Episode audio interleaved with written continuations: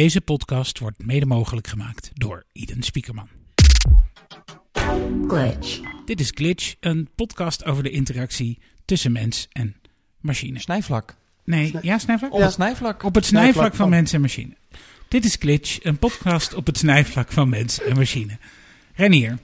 Hallo. eh, hallo, wat vond je het leukste eh, uit de aflevering die we net hebben opgenomen? nou, we hebben te gast Geke en ik, we kwamen erachter dat ze medeoprichter was van de Digitale Stad. Dat vond ik leuk. En we hebben het eventjes over eh, eh, artificial intelligence gehad. En eh, hoe het leven is in Londen en in Amsterdam tegelijk. En jij Joost, wat vond jij een highlight van de afgelopen ruim anderhalf uur dat we hebben zitten praten? Ik vond het bijzonder om te horen dat Geek eh, vooral bezig is met de gebruikerskant en de businesskant van eh, problematiek. En eigenlijk verrast het feit dat je helemaal niet met de merkbeleving en eh, de merkkant van eh, de problematiek die, eh, waar bedrijven mee, mee worstelen. En jij, Bezig. Ge- jij Gekke, wat vond jij het leukste uit wat we, waar we de afgelopen anderhalf uur over gepraat hebben? Nou, wat grappig de combinatie dat je zei, de podcast over de mens en de machine. Dat we het juist ook al hadden waar dat tegenwoordig wat over elkaar heen begint te lopen. Met de artificiële intelligentie. Eh, en daar is nog heel veel te ontdekken, denk ik. Dus wat dat betreft eh, nog de beginschoenen. Dus eh, laten we het nog eens doen over een jaartje of zo. Kijken waar we dan Leuk. staan. Nou ja, ik vond het heel bemoedigend dat eh 13 keer podcast in ieder geval beter is dan 0 Nul. keer podcasten.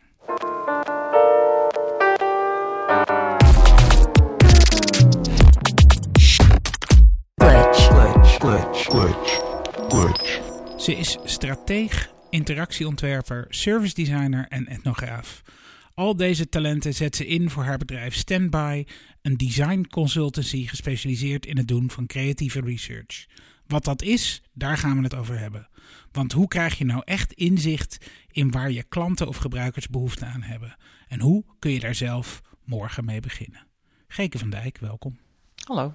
Hallo. Hoe doe je dat? Inzicht krijgen in gebruikers? Wat is daarvoor nodig? Een Dan hebben we de moeilijkste vraag maar gehad, dacht ik. paar Laten we dingen, heel nieuwsgierig zijn. Ja. Met mensen praten, kijken wat mensen doen. Mensen volgen, mensen filmen. Mensen bij elkaar halen om eens een goed gesprek te beginnen. Vooral proberen te begrijpen. Ben je dan een beetje een psycholoog? Zit het die kant op? Komt psychologie bij kijken, ja. Want Ja. je moet bijvoorbeeld eh, bedenken waarom doet iemand dit. Dus als je bekijkt eh, hoe mensen reizen bijvoorbeeld, kijk je niet alleen wat ze doen, maar ook waarom. En daar zit wel psychologie bij, maar ook sociologie. Want mensen zijn niet geïsoleerde Ja. individuen, maar hebben ook vrienden, familie, collega's. Ja, een omgeving. Ja, precies.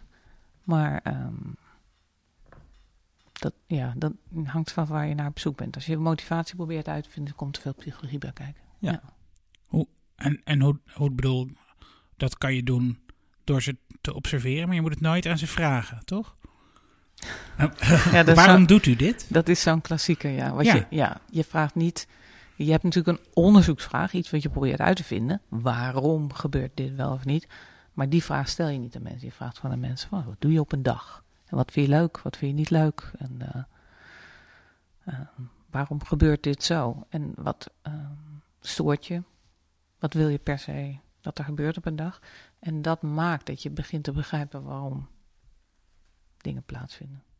Hoe, hoe, want ik vind, dus je, je, je, je, probeert eigenlijk, ik, ik stel me wat voor, je probeert Mhm. veel soort van aanvliegroute op zo'n puzzel te benoemen en in Mhm. kaart te brengen. En je observeert mensen en je brengt hun gedrag, je legt het vast. Je doet misschien interviews met ze over andere dingen en al die puzzelstukjes Mhm. leg je bij elkaar en ontstaat het dan vanzelf? Moet je dan nog iets magisch doen? Nou, er zijn wel een paar structuren. Het gaat veel om eh, gewoon goed interacteren met mensen. Maar er zijn natuurlijk een paar dingen. Je kijkt hoe, hoe gebeuren dingen nu. Mhm. Je kijkt naar de huidige situatie. We beginnen eigenlijk altijd met eh, ehm, gedrag. Wat, wat gebeurt er? Laten we het over reis hebben. Hoe doe je dat als je ergens heen moet waar je nog nooit geweest bent? Mhm.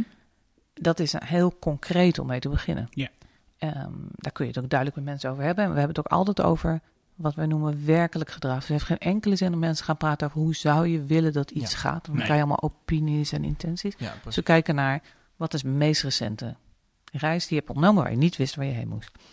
Dan ga je gewoon maar eens beginnen met het meest concrete. En al pratend daarover probeer je er natuurlijk er dieper onder te komen. En te begrijpen van, oh, maar als je daar informatie op opzocht, waarom deed je op die manier? En niet op een andere manier. En beviel dat of beviel dat niet? En dat betekent dat je eigenlijk al een tipje van de sluier begint op te tillen van waarom en wat zijn de ervaringen ermee? Waar zitten de, de hoge, waar gaan de vingers omhoog en waar zijn mensen geërgerd en kan iets beter? Ehm, waar je natuurlijk vaak voor je onderzoek, wij werken in innovatiegebied. Ja. Ja. Wij zijn natuurlijk op zoek naar hoe kunnen dingen beter. Dus je bent, je begint met hoe is het nu, maar eigenlijk ben je dat niet, dan ben je wel aan het onderzoeken, maar dat is niet je einddoel. Je einddoel is uitvinden hoe kan het zijn. Maar daar begin je niet. Daar werken we langzaam naartoe, eigenlijk, om dat zelf te begrijpen. Dat vragen we dus niet, dat, om terugkomen bij je vraag. We gaan niet de mensen toen zeggen, hoe zou jij willen dat het nou allemaal voor jou geregeld zou moeten zijn? Dan, dan is het gesprek. Houdt Is dat, is dat een valkuil waar veel opdrachtgevers of designers in, in lopen? Ja. Dat is de klassieke beginnersfout. Als het niet je vak is. Eigenlijk al een idee hebben of een hypothese, een aanname. En gewoon voep, vol erop in, omdat het zo voor in je hoofd zit. Dus ik denk dat veel van ons vakmanschap wel is om dat wel te zien, maar er niet op af te rennen. Dus wel in beeld te hebben en te weten van, oh, dat wil ik uitvinden. Maar die, wat we dan de onderzoeksvragen noemen, zijn nooit de onderzoeksvragen die we stellen aan mensen. Dus dat denk ik wel. En ook um, om eerst maar eens te kijken hoe dingen zijn, voordat je gaat nadenken hoe, hoe het anders moet. Dus dat, dat is wel, ja, door ervaring leer je dat eigenlijk. Zijn designers dan, kunnen designers dan goede onderzoekers zijn? Ja, we hebben Ja? designers in ons team zitten die geweldige onderzoekers zijn. Waarom niet? Nou, omdat je voor mij dan, voor mij als designer, op, meer geconditioneerd bent om naar oplossingen te zoeken en daar misschien te snel naartoe rent. Ja, zou kunnen, maar dat zit toch niet vast aan wat er op je businesscard staat of hoe je opgeleid bent. Dat, dat zit aan vast wat je opvat als jouw rol op dat moment in het project. Dus je kan een onderzoeksrol op je nemen en besluiten, ik ga gewoon uitvinden hoe iets zit. Voordat ik ga bedenken hoe het kan zijn. Dat betekent dat je eerst een onderzoeksrol op je neemt en dan misschien meer een designrol. En dat zien we wel, eigenlijk wel vaak gebeuren als we een beetje met onze onderzoeksblik naar design case studies kijken, is het soms van we gaan heel veel observeren en dus je zuigt die, die, die, spons op, maar in de plaats van dan eerst maar eens heel goed te analyseren en te Ja. structureren naar de kern te gaan, meteen door met die hele breedte naar ideeën, wat wel veel kan Ja. genereren. Maar dat kan nog wel eens lastig zijn om dan achteraf nog te selecteren. En dat is minder, zeg, denk ik, hoe je opgeleid bent of wat er op je, je job description staat, Ja. dan wat je als je, je, je taak ziet. Nou, ik, ik bedoel ook niet wat je, hoe je opgeleid bent of, of wat, je, wat je functie is, maar meer de Mhm. manier waarop je naar de buitenwereld kijkt. Volgens mij zijn designers meer bezig met het proberen op te lossen van problemen. We- We hebben ooit onderzoek samen met jullie gedaan. Wat mij, wat Mhm. mij opviel, is dat ik en mijn collega veel meer een heel andere blik hadden van wat daar gebeurde dan wat uiteindelijk ja. naar boven kwam. Omdat je, je ziet op een gegeven moment iets ontstaan en voor je het weet ben je in je hoofd al naar een oplossing en, en word je daar door verblind en zie je alleen nog het gedrag wat met dat probleem en die oplossing te maken Ah, heeft. ja. ja. Nou, dat hebben wij ook wel. Maar ik heb wel geleerd, en de mensen in mijn team, om dat wel te registreren en te proberen te onthouden en op te schrijven, maar dat dan ook weer te vergeten. En te denken van, oh ja, maar daar ben ik nu niet mee bezig. Want het is bloedzonde als je later wel in die ideeënstadium bent en je moet het dan weer opnieuw Nee, klopt. uitvinden. Wat, Maar- wat, wat knap dat je dat kunt. Dat je op zo'n moment kan zeggen van eh, ik vergeet het weer en ik bewaak eigenlijk Mhm. mijn eigen eh, neutraliteit in dat denken. Maar eh, laten we even voor, voorkomen voordat we een soort van eh, filosofische discussie Mhm. zitten over. Ja. eh, kun je een voorbeeld geven eh, van een concreet soort van opdracht eh, en die jullie dan wat wat kun je een voorbeeld geven Ja. van een onderzoeksvraag die bijvoorbeeld aan jullie gesteld wordt? Ja, onlangs hebben we een leuk maar complex project gedaan over fietsparkeren in Amsterdam. Oh ja, heel fijn. eh. wat, wat was de vraag? eh, Eh, de vraag was van eh Stadsdeel, een gebied waar het gewoon heel druk is. In dit geval in de Pijp, ja, rondom de Albert Kuip. Ieder Amsterdammer en ook veel mensen die de stad bezoeken zullen het kennen. Rondom de markt. Ja. En dan speciaal, zeg maar, die toegangsstraatjes. Ja. Heel druk. En Gerard Douwplein. En daar staan stapels en stapels fietsen. Van zowel mensen die er wonen, mensen die er werken, mensen die even komen winkelen. mensen die op bezoek zijn bij iemand. Mensen die uitgaan. Ja, Ja. en dat is ook eh, enorm toegenomen in de afgelopen jaren. Dus je kan wel zeggen dat piekfiets een beetje bereikt is. Zeker. Dat Bierfiets ook. Piek bierfiets. Maar die heb je daar dan weer net niet. Omdat die brouwerij daar zit. eh. Die passen er echt niet meer bij. Nee, die nee. zitten in andere delen van de stad. Maar En- dat is dus typisch een ehm, onderwerp waar je ook heel enthousiast van kan worden. En daar hebben we ook wel eh, in samengewerkt. Maar hoe nou, dus zegt het stadsdeel dan tegen jullie: eh, Oké, we willen dat oplossen. Hè, Mhm. dus we hebben last van die drukte. Beginnen jullie eens met kijken wat is daar aan de hand? Is het, wordt het zo open Nee, eigenlijk was het geformuleerd? punt wel anders. Ze zijn er natuurlijk al heel lang mee bezig. Ja, Dus ze hebben ook al ideeën. En ze zijn, eigenlijk worden er in heel Amsterdam al heel veel pilots gedaan. Die vaak op een idee gebaseerd zijn. Kunnen we dit eens proberen, kunnen we dat eens proberen. En eigenlijk was de vraag aan ons om juist weer dat stapje terug te doen. En even te kijken van in die volle breedte. Als we nou eens niet met mensen beginnen over oplossingen. Maar gewoon even het probleem goed begrijpen. En dan met al die verschillende. Want er zijn heel veel mensen die ook rollenbollend over straat gaan. Hè? Ja. Want de een vindt dat dit scenario moet. En de ander vindt dat scenario. Dat is onverenigbaar. Dat we eigenlijk met allerlei mensen om de tafel gingen zitten. In fietsparkeerlabs hebben we dat genoemd. ja. Waar en de bewoners en de ondernemers en de bezoekers bij elkaar gingen kijken. Wat zou voor ons samen acceptabel kunnen zijn. Mhm. Want we zitten namelijk samen in die boot. En eh, eh, ja, moet toch opgelost worden.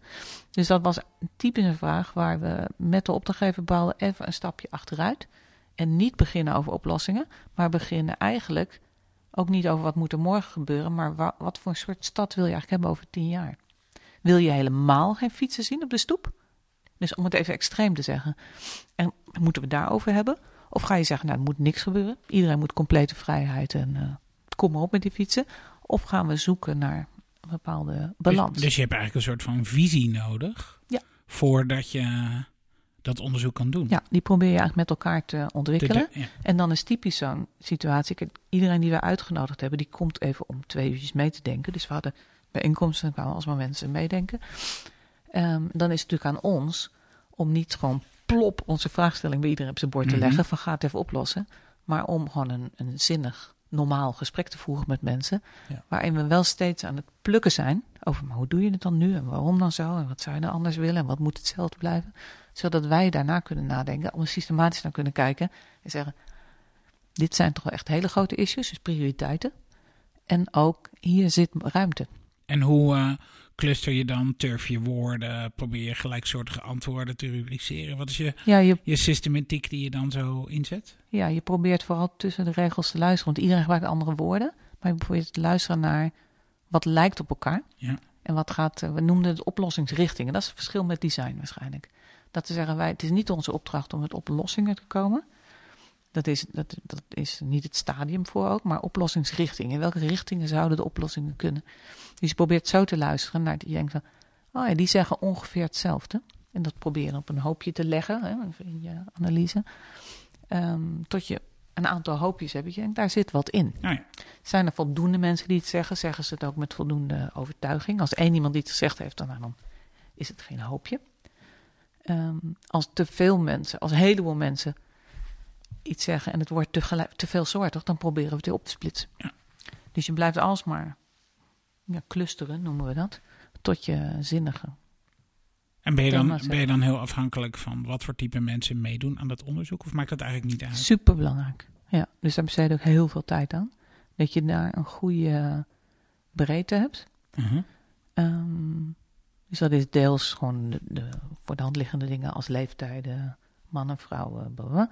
Maar ook moeten wel mensen zijn die ook echt met de fiets Ja, ja, in ja. dat gebied parkeren. Want ik kan wel iemand uit eh, Zuidoost aan die tafel zetten, maar als die niet letterlijk elke week meemaakt dat hij zijn fiets eh, daar tussen moet proppen, Ja. dan heeft hij wel mening, maar wat moet ik ermee? Je moet ervaringsdeskundige hebben. Ja, dus dat betekent dat je moet zoeken naar mensen die dat minstens regel- eh, regelmatig doen. Ja. Ehm, en niet alleen mensen die in de straat wonen en die hun eigen stoepje Ja. Dus willen gewoon willen ontwerpen. vegen, letterlijk. Ja, Ja. ja. Ja, of juist hun drie fietsen daar Ja. willen hebben staan. Ja. Wat ook een probleem is. Ja. Ja. Hoe selecteer je de juiste eh, deelnemers in het, on- in het onderzoek? Ja, dat is altijd een, eh, een fusiefase. Wat, wat belangrijk is, is dat we aan het begin zeggen wat voor een soort eh, spreiding we willen. Ja, een soort profiel. En dan gaan we zoeken naar wat wij noemen een, een, de longlist van kandidaten. Mensen die aan het profiel voldoen. En pas daarna ga je selecteren.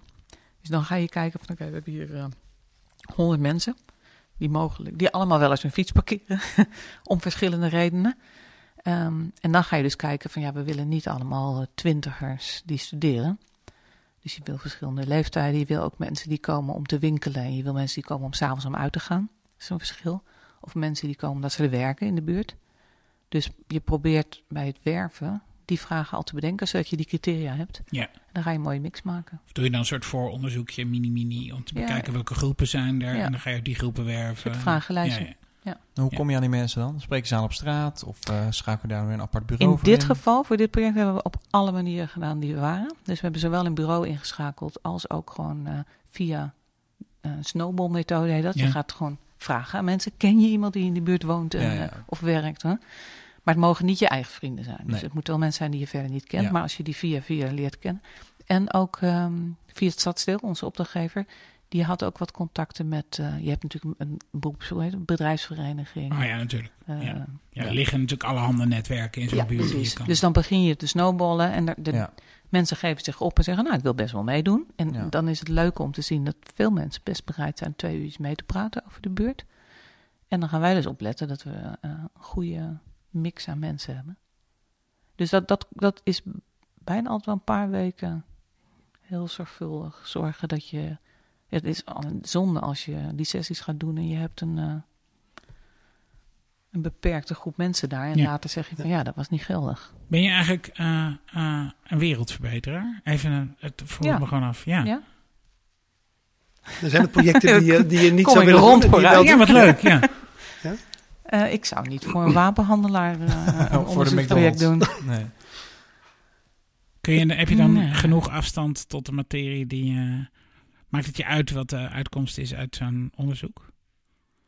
Heb je een mening daarover? Nou, ik ben genoeg, ik denk dat mensen in mijn team ook genoeg vak, vrouw, vakman, om eh, een professionele afstand tot je onderwerp te hebben.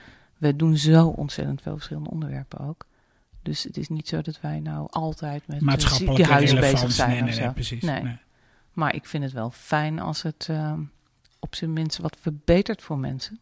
Dus in die zin, ik werk in dienstverlening, innovatie van dienstverlening. Dus ik wil wel altijd dat het gaat over hoe kunnen we de dienstverlening verbeteren. Ja.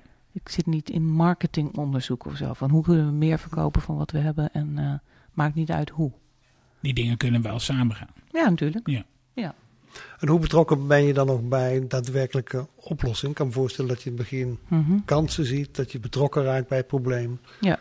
Ben je dan tot het eind, tot het geïmplementeerd bent, bij ja, het project hangt van de betrokken? opdracht af. En ook van de, de klant eigenlijk.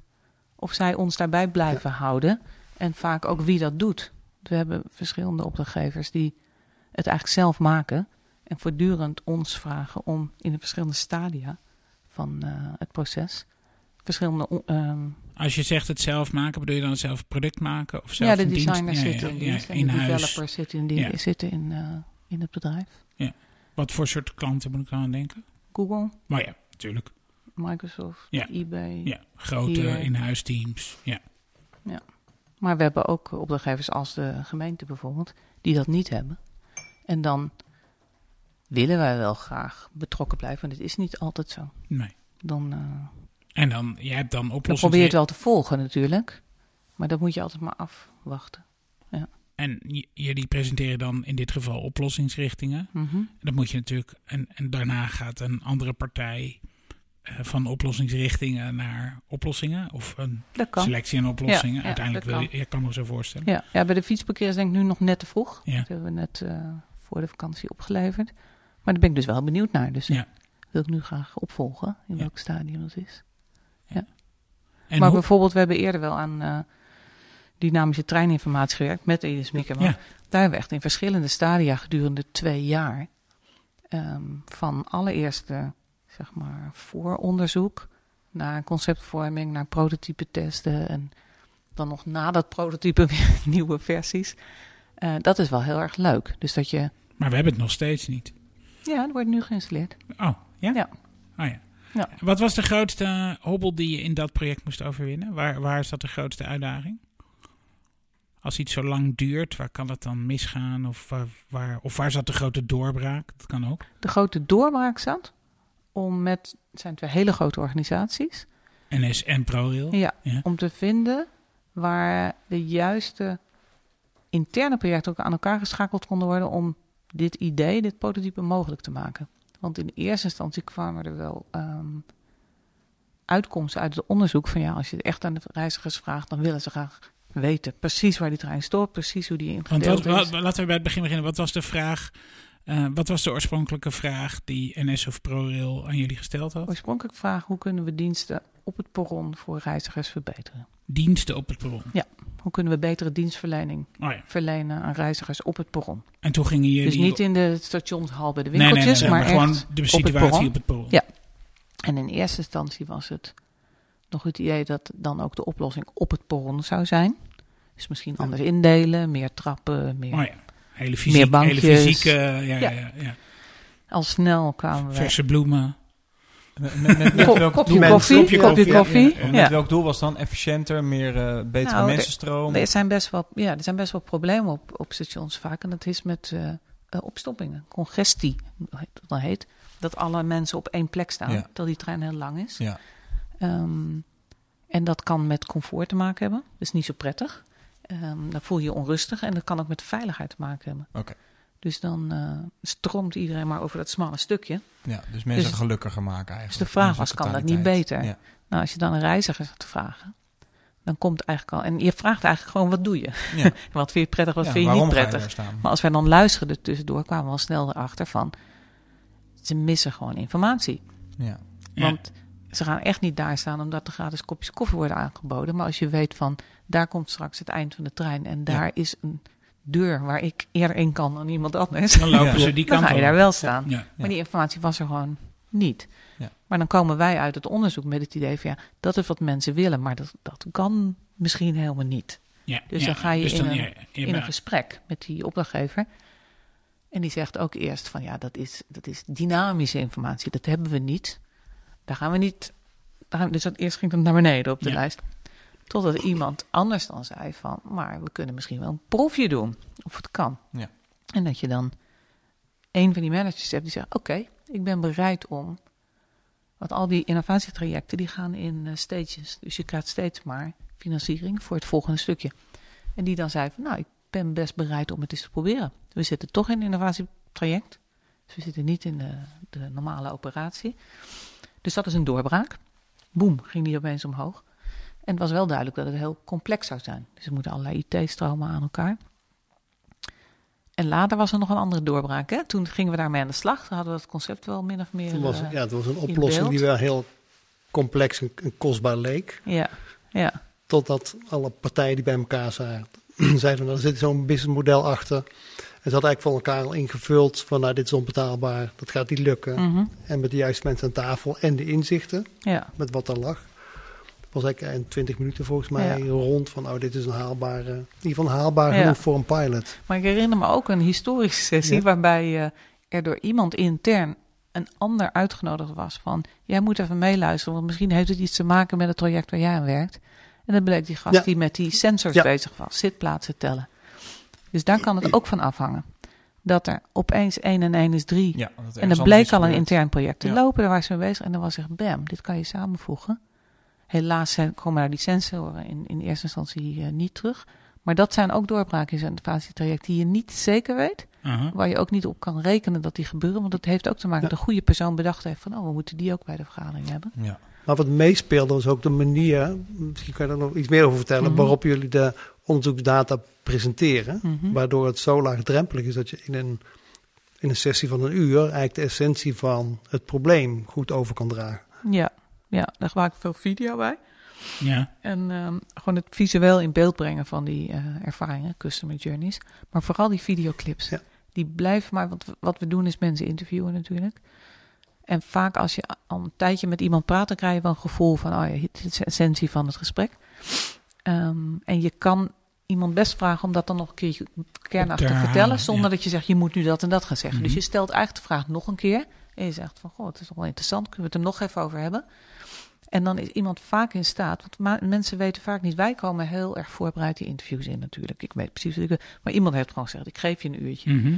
Dus die is ook maar aan het praten. En zich aan het realiseren van een bepaald vraagstuk wat hij ervan vindt. Dus vaak is hij later in het interview Kern- beter in staat om dat nog eens samen te vatten.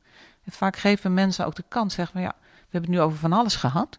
Maar jij nu aan het team moet zeggen, van alles waar we het over gehad hebben, van als je iets gaat doen, ga dat doen.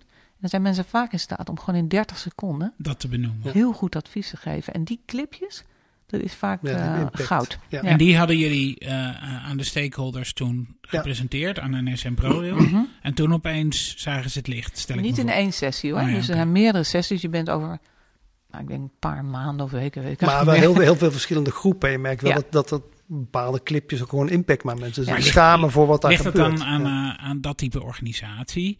Eh, of, of is dat bij eigenlijk al je opdrachtgevers zo? Allemaal hetzelfde. Ja, dat proces is echt niet anders. Nou, je moet toch rekening mee houden. Dit zijn hele grote organisaties. Dus dingen zijn niet zo simpel. En om een goede innovatie in dienstverlening te doen, is niet één iemand die zegt dat doen we en ik kan het even uitvoeren. Dus er moeten de juiste stakeholders bij elkaar gehaald worden.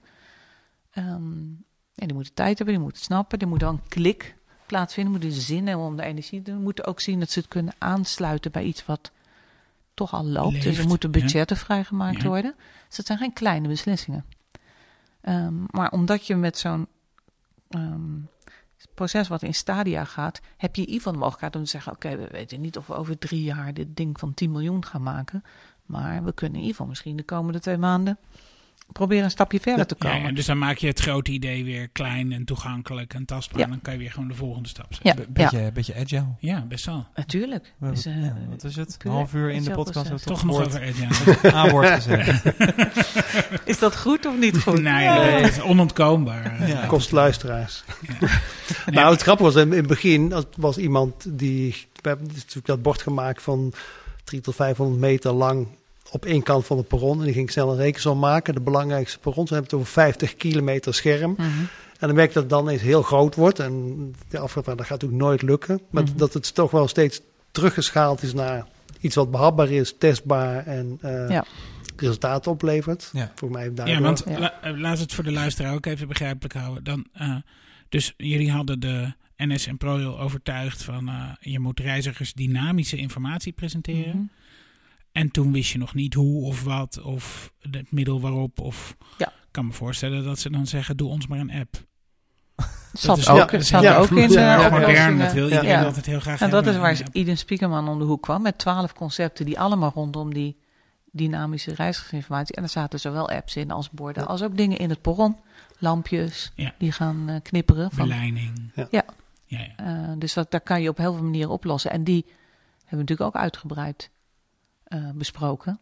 En daar kan je dan ook weer prioriteren. Zeg van, nou ja, doe maar een beetje van die en een beetje Ja. van die. Daar komt het meestal op neer. Ja. Eh, Maar de reiziger wilde, ik kan me nog herinneren, een van die zesde reiziger, nou, ik zou eigenlijk liefst gewoon een hologram willen van de trein zoals die komt. mm. Zodat ik precies weet wat, wat me te wachten staat. Tuurlijk, vlak van tevoren. je Want dan, Met je Google-bril Precies, op of ja. je HoloLens. Lekker hoor. Ja. Ja, tuurlijk. Maar ja, Ja. dan is maar daar is het wel, dat idee wel geboren. Want het betekent dat je wil eigenlijk fysiek zien, Ja. waar staat die trein. Ja. En dan kan ik er Ja. naar kijken en dan kan ik me voorbereiden. En dan zie je anders op een app. En dan moet je jezelf oriënteren of met een horloge. En je wordt helemaal geleid naar de plek waar je moet staan. Maar ze willen zelf die vrijheid houden. Ja, maar ja, die combi is natuurlijk Ja. ijzersterk. Dat werd het ook uiteindelijk in de pilot. Dus zowel een scherm als een app. Want die app kan je in heel Nederland hebben op elk station. Tuurlijk, ja. Eh, en dat scherm niet. En natuurlijk is Alleen de cognitief drempel hè, is natuurlijk- is iets eh, ingewikkelder groter, ja. om het op de app te kijken. Maar het kan wel. Dus we hebben ook in de test, toen is het vier maanden is live getest.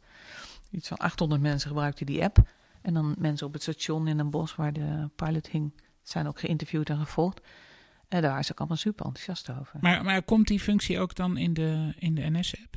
Die zit er al in. De bezetting. Ja, de drukte kan je zien. Ja, op een soort maar ook de van- samenstelling van de trein. Oh, ik heb Ja, maar dan heel- weet je heel- dan al wel is het een waar die stopt. dubbeldekker? Nee, dat kijk, Ja. zo Ik- goed is GPS, Nee. de eh, GPS nog niet. Nee, maar ook als je die lichtbakken ophangt, dan weet je dus ook Ja. informatie van hoe lang het perron is. En dat is informatie wat digitaal te maken is. Dus dan kan Ja. je ook op een soort op je app laten zien hoe lang is het perron en dan waar stopt die trein ongeveer. Dan weet je ongeveer Ja. hoe Ja. ver die van voor of achter. Dat kan je eh, wel. Ja, maar waar jij staat kan je Nee, natuurlijk dat niet. En niet, het scherm kan je zien. Ik sta Ja. hier goed. Maar ik, ik had Ja. dat laatst, want ik wilde eh, op station Hoorn met mijn racefiets terug naar Amsterdam. Natuurlijk, dat doe je dan als je daar bent. En toen dacht ik, hé, ik ga toch pokken en eens niet terugfietsen. Nee, nou ja, het ging regenen en ik was, nee, ik had geen zin om dat te zeggen. Het is helemaal niet zo ver. En, eh, eh, toen eh, dacht ik, ik ga eens even kijken, waar zit de fietscoupé? Mhm. Ja, Maar ja. dat kon ik toch niet Nee, vinden. Ik kon een alleen maar een soort, kreeg een soort plaatje Ja. van een dubbeldekker. Dacht ik, oh, daar komt de dubbeldekker. Ja. Maar dat wist ik nog steeds niet. Was Ja. ik niet geholpen. Nee, dat kan beter. En moest je een stuk lopen? Was Moest je een stuk lopen voor fietsen, de fiets? kon fietsen.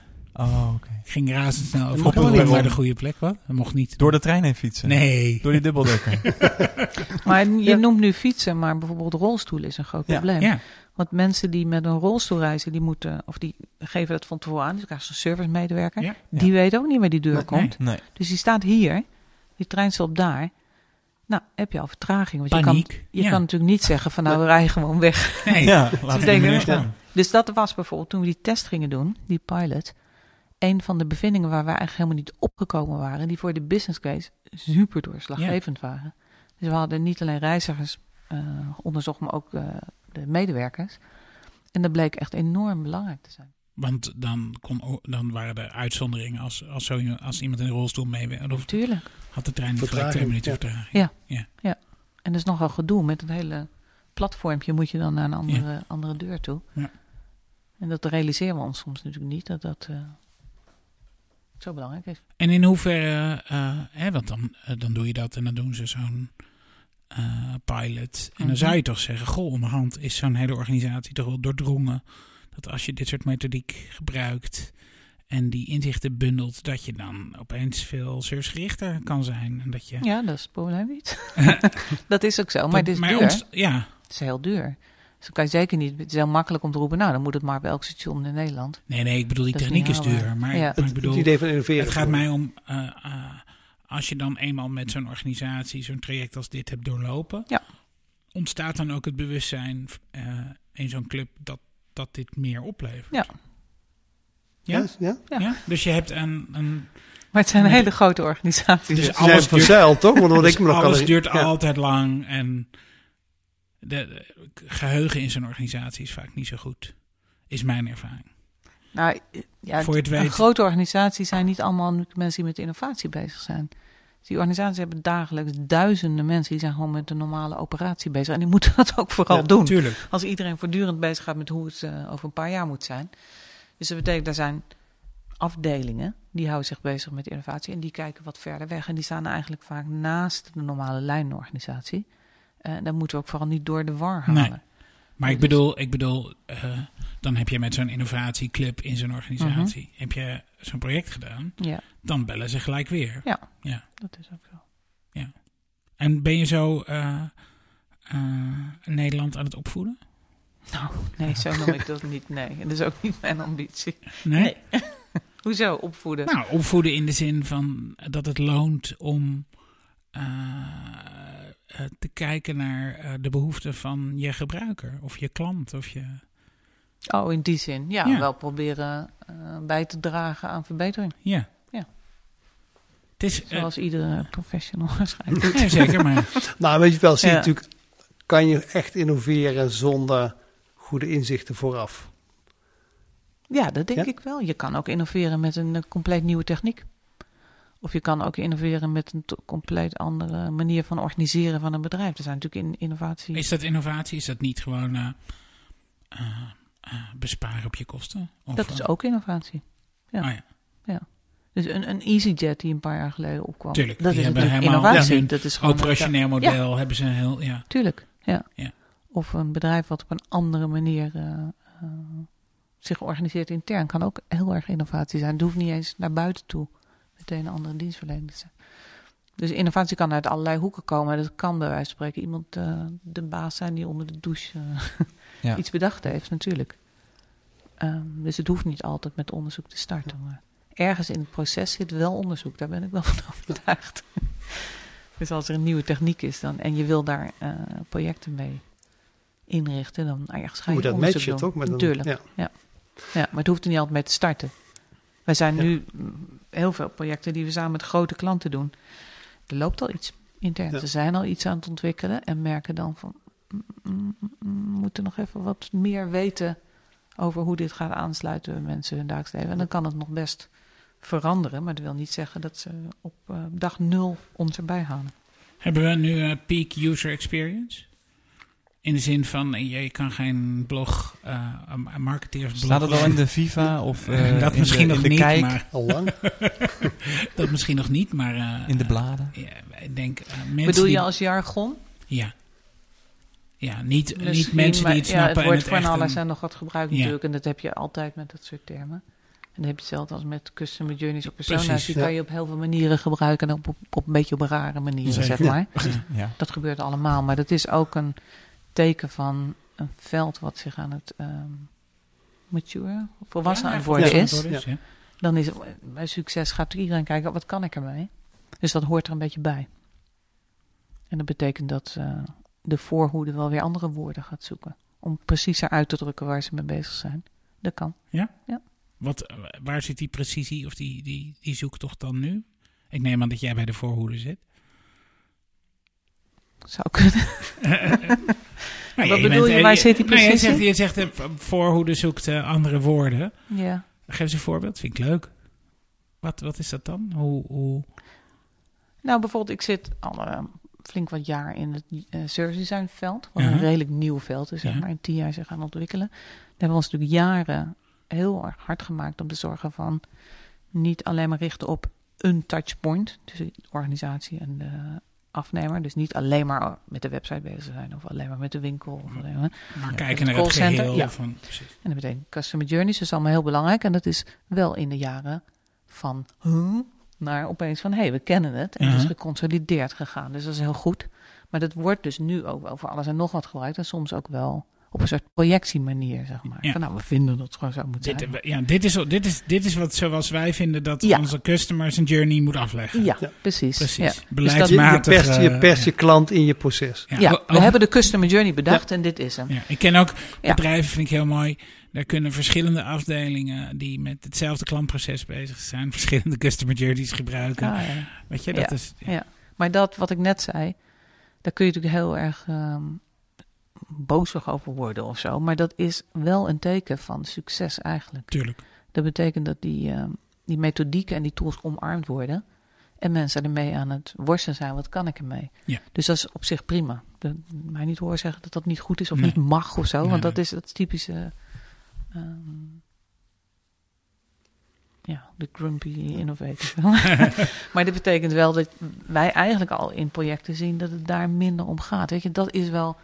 Dat, dat kunnen we nu bijna overlaten aan de Aan de organisatie. ja, dat doen ze zelf. Dat is, zit helemaal binnen en iedereen is vooral ook die eh, klantreis aan het maken. En waar, waar voeg je dan eh, eh, nu waarde toe? Op Nou, wij zijn op nu bezig. onderzoeks. Ja, waar ik zie waar wij de nieuwe ehm frontier, zeg maar, is echt hoe nu gaan die touchpoints gaan smart worden. Dat is niet meer van eh multichannel. Oh, hoe krijg ik mijn, mijn digitaal en mijn callcenter en dingen aangesloten? Want dat, dat is nog wel makkelijk in een customer journey te proppen. En te, op een gegeven moment kun je dat voorspellen.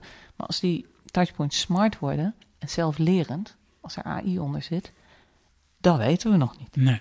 Maar dat, is, dat zijn wel hele leuke projecten. Om dat Ben, je- uit ben je daarmee bezig? Ja. Kun je daarvoor kun je daar Nee. iets... Nee. Ah, is- nee. Ranier. Iemand Jammer, met hè? AI bezig en we kunnen er niet naar vragen. Nee. Jammer. Jammer. Ja. Is het, is het al een eh, zelfbewuste eh, artificial intelligence? Nee, Dan kunnen we er ook niet daarmee praten. anders bellen we ze even op. Ja, precies. Nee. Met karakter. Maar goed, in algemene termen kan je wel Ja. eh, over hebben. Niet van wie daarmee bezig is en wat precies. Maar het feit dat die touchpoints, dat er een zelflerend systeem onder zit, is natuurlijk super boeiend in, in, in de context van user experience. Absoluut. Want dat betekent dus niet meer tussen jou en de organisatie, wat natuurlijk met domme touchpoints wel Ja, is. ja. Maar het is, die organisatie staat veel verder van je weg. Dus jij en, en, en de AI of de service, die slimme service. En daar is zit nog heel veel ehm, onbekendheid. We weten allemaal nog niet precies hoe het gaat. Heel veel moeite moet je erin stoppen als eh, gebruiker, want je moet het echt trainen. Ehm, terwijl je wil niet. Kijk, de, de echte eh, nerds gaan dat natuurlijk wel doen, maar de gemiddelde eh, consument Ja. heeft daar misschien geen zin in, Mhm. of die snapt niet hoe dat werkt. Ja, die, die zegt drie keer wat tegen Siri en die, Ja. die, dan komt niet uit wat ze verwachten. En dan haken ze. Ja, dan gebruiken ze helemaal niet meer. Ja, terwijl daar dus heel veel onder de motorkap zit, Ja. maar dat wordt er niet eh uit. Mensen denken gewoon... Is dat niet ook iets van de, waar mensen aan moeten wennen? Want het voelt een beetje alsof die bot de vervanger wordt van de medewerker Mhm. van een organisatie. Nou, als je het één op één doet, ja, dan is hier hartstikke dom. Je stelt een vraag, je stelt een vervolgvraag. En dan beginnen we blanco. Uh, is het niet gewoon een kwestie van leren dat je begrijpt dat een bot een bepaalde beperking heeft? Het is geen mens, het is geen uh, standaard antwoord wat je terugkrijgt. En dat de volgende generatie daar gewoon op een hele andere manier mee om kan gaan. Ja, maar dit gaat verder dan een vraag- en antwoordbot. Dit gaat verder naar een, een, systeem wat begrijpt wat jij wil en die dingen voor jou gaat doen, zodat jij het niet meer hoeft Ja. te doen. Oké. En dat, Eh, en en dan- dat is boeiend. Dus dat is Ja. niet. eh, Ja. ehm, En zitten jullie dan aan de voorkant van het traject? Dus doe je dan onderzoek naar eh, waar zitten intrinsieke behoeftes van mensen waar die bot op in kan spelen? Of eh, eh, onderzoek je hoe eh, mensen interacteren met zo'n bot en observeer je Ja, ze alle twee. Alle twee. Ja. ja, die organisaties zijn er gewoon volop mee bezig. Tuurlijk, dus je hebt ja. teams die zijn het maken. Dus soms zeggen ze: we gaan nu een feature ontwikkelen en we willen jullie helpen met exploratief onderzoek. En soms zeggen we: we hebben al wat. Ja. Maar laat mensen het maar eens een tijdje gebruiken. Dus dan volgen we een bepaalde periode hoe mensen het gebruiken. Eh, dus dan is het er eigenlijk al. Maar dan zijn ze het. Het is gewoon terwijl de winkel verbouwd wordt, zeg maar, is die open. Ja. Dus je werkt met die teams terwijl ze gewoon aan het ontwikkelen zijn. Dus het is echt voortschrijdend inzicht. Dus wat ik net inderdaad zei, wij zijn niet altijd het startpunt. Nee. Maar dan ergens in het traject zit wel een vraag van, hm, we moeten toch eigenlijk iets meer beter begrijpen. En natuurlijk, ze hebben allemaal logs.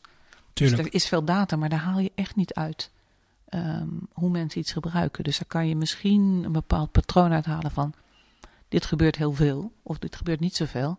Maar daarna weten ze ook niks. Vind je dat er eh, aan dat type data te veel waarde wordt toegekend nu?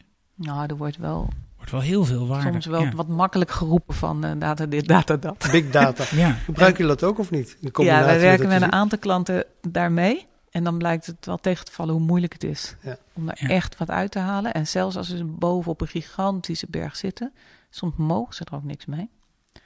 Ehm, want het is allemaal best wel dicht, dicht getimmerd. Hoe diep je erin mag gaan, zeg maar. Dus ze kunnen alleen op grote afstand kijken naar wat algemene patronen zijn. Maar niet gaan uitvlassen van wat doet die nou? Ja. En dan moet je toch onderzoek gaan doen. Dus dan hebben we eigenlijk drie lagen, zeg Dus maar. dat Je hebt die- mogen ze niet, maar ze kunnen technisch wel. Nee, kunnen het niet. Ook niet Nee, het is, technisch. af, is echt afgedicht. Ja. Dat is ook wel fijn om te weten. Ja, hè? Dat Ja, vond ik ook. ja. Ja, Ja. vond ik echt eh, Ja. prettig. Hoe, hoe verklaar je dat een, een organisatie, Google, gigantisch groot, heel Mhm. veel geld, dat ze jullie toch nog als extern bureau inhuren of andere Ja. grote organisaties? Dat ik kan verwachten, nou, die, die kennis wil je in huis hebben, dat doen we Ja. gewoon zelf. Nou, juist denk ik omdat ze bijna alles in huis doen en dit te sporadisch voorkomt. Is het, er zijn twee redenen wat ik van ze hoor, van ze ons huren. Is ehm, ze gaan dus niet uitbesteden. Ze willen eigenlijk niks uitbesteden. Ze gaan Ja. niet een designbureau huren. Nee. Moet gewoon zelf gaan niet developmentbureau huren. Ze hebben hele goede design researchers in huis. Maar die zijn de hele dag met die stakeholders intern bezig. En die hebben niet de tijd om naar buiten te gaan. Ehm, en dat is gewoon een optelsommetje. De, ze kunnen wel niet intern zo'n team in huis hebben als wij hebben. En het andere is, als zij zelf onderzoek gaan doen.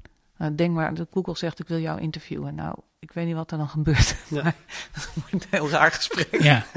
ja. En jullie, jullie hebben een Gaat je heel veel geld kosten. Ja. Ja, nee, maar mensen ja. zijn dan helemaal zo... En dan Ja. krijg je geen zinnig woord meer uit.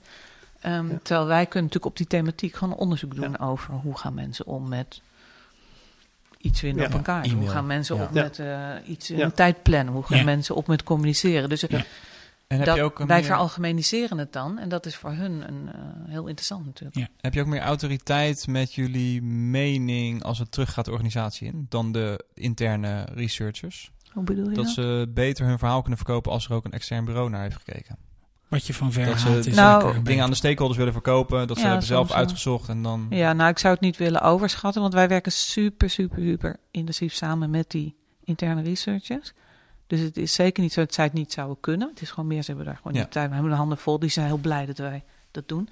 En ehm, de echte waarde in het bedrijf van ons werk, hoe goed het ook is, is er alleen als die persoon heel goed is.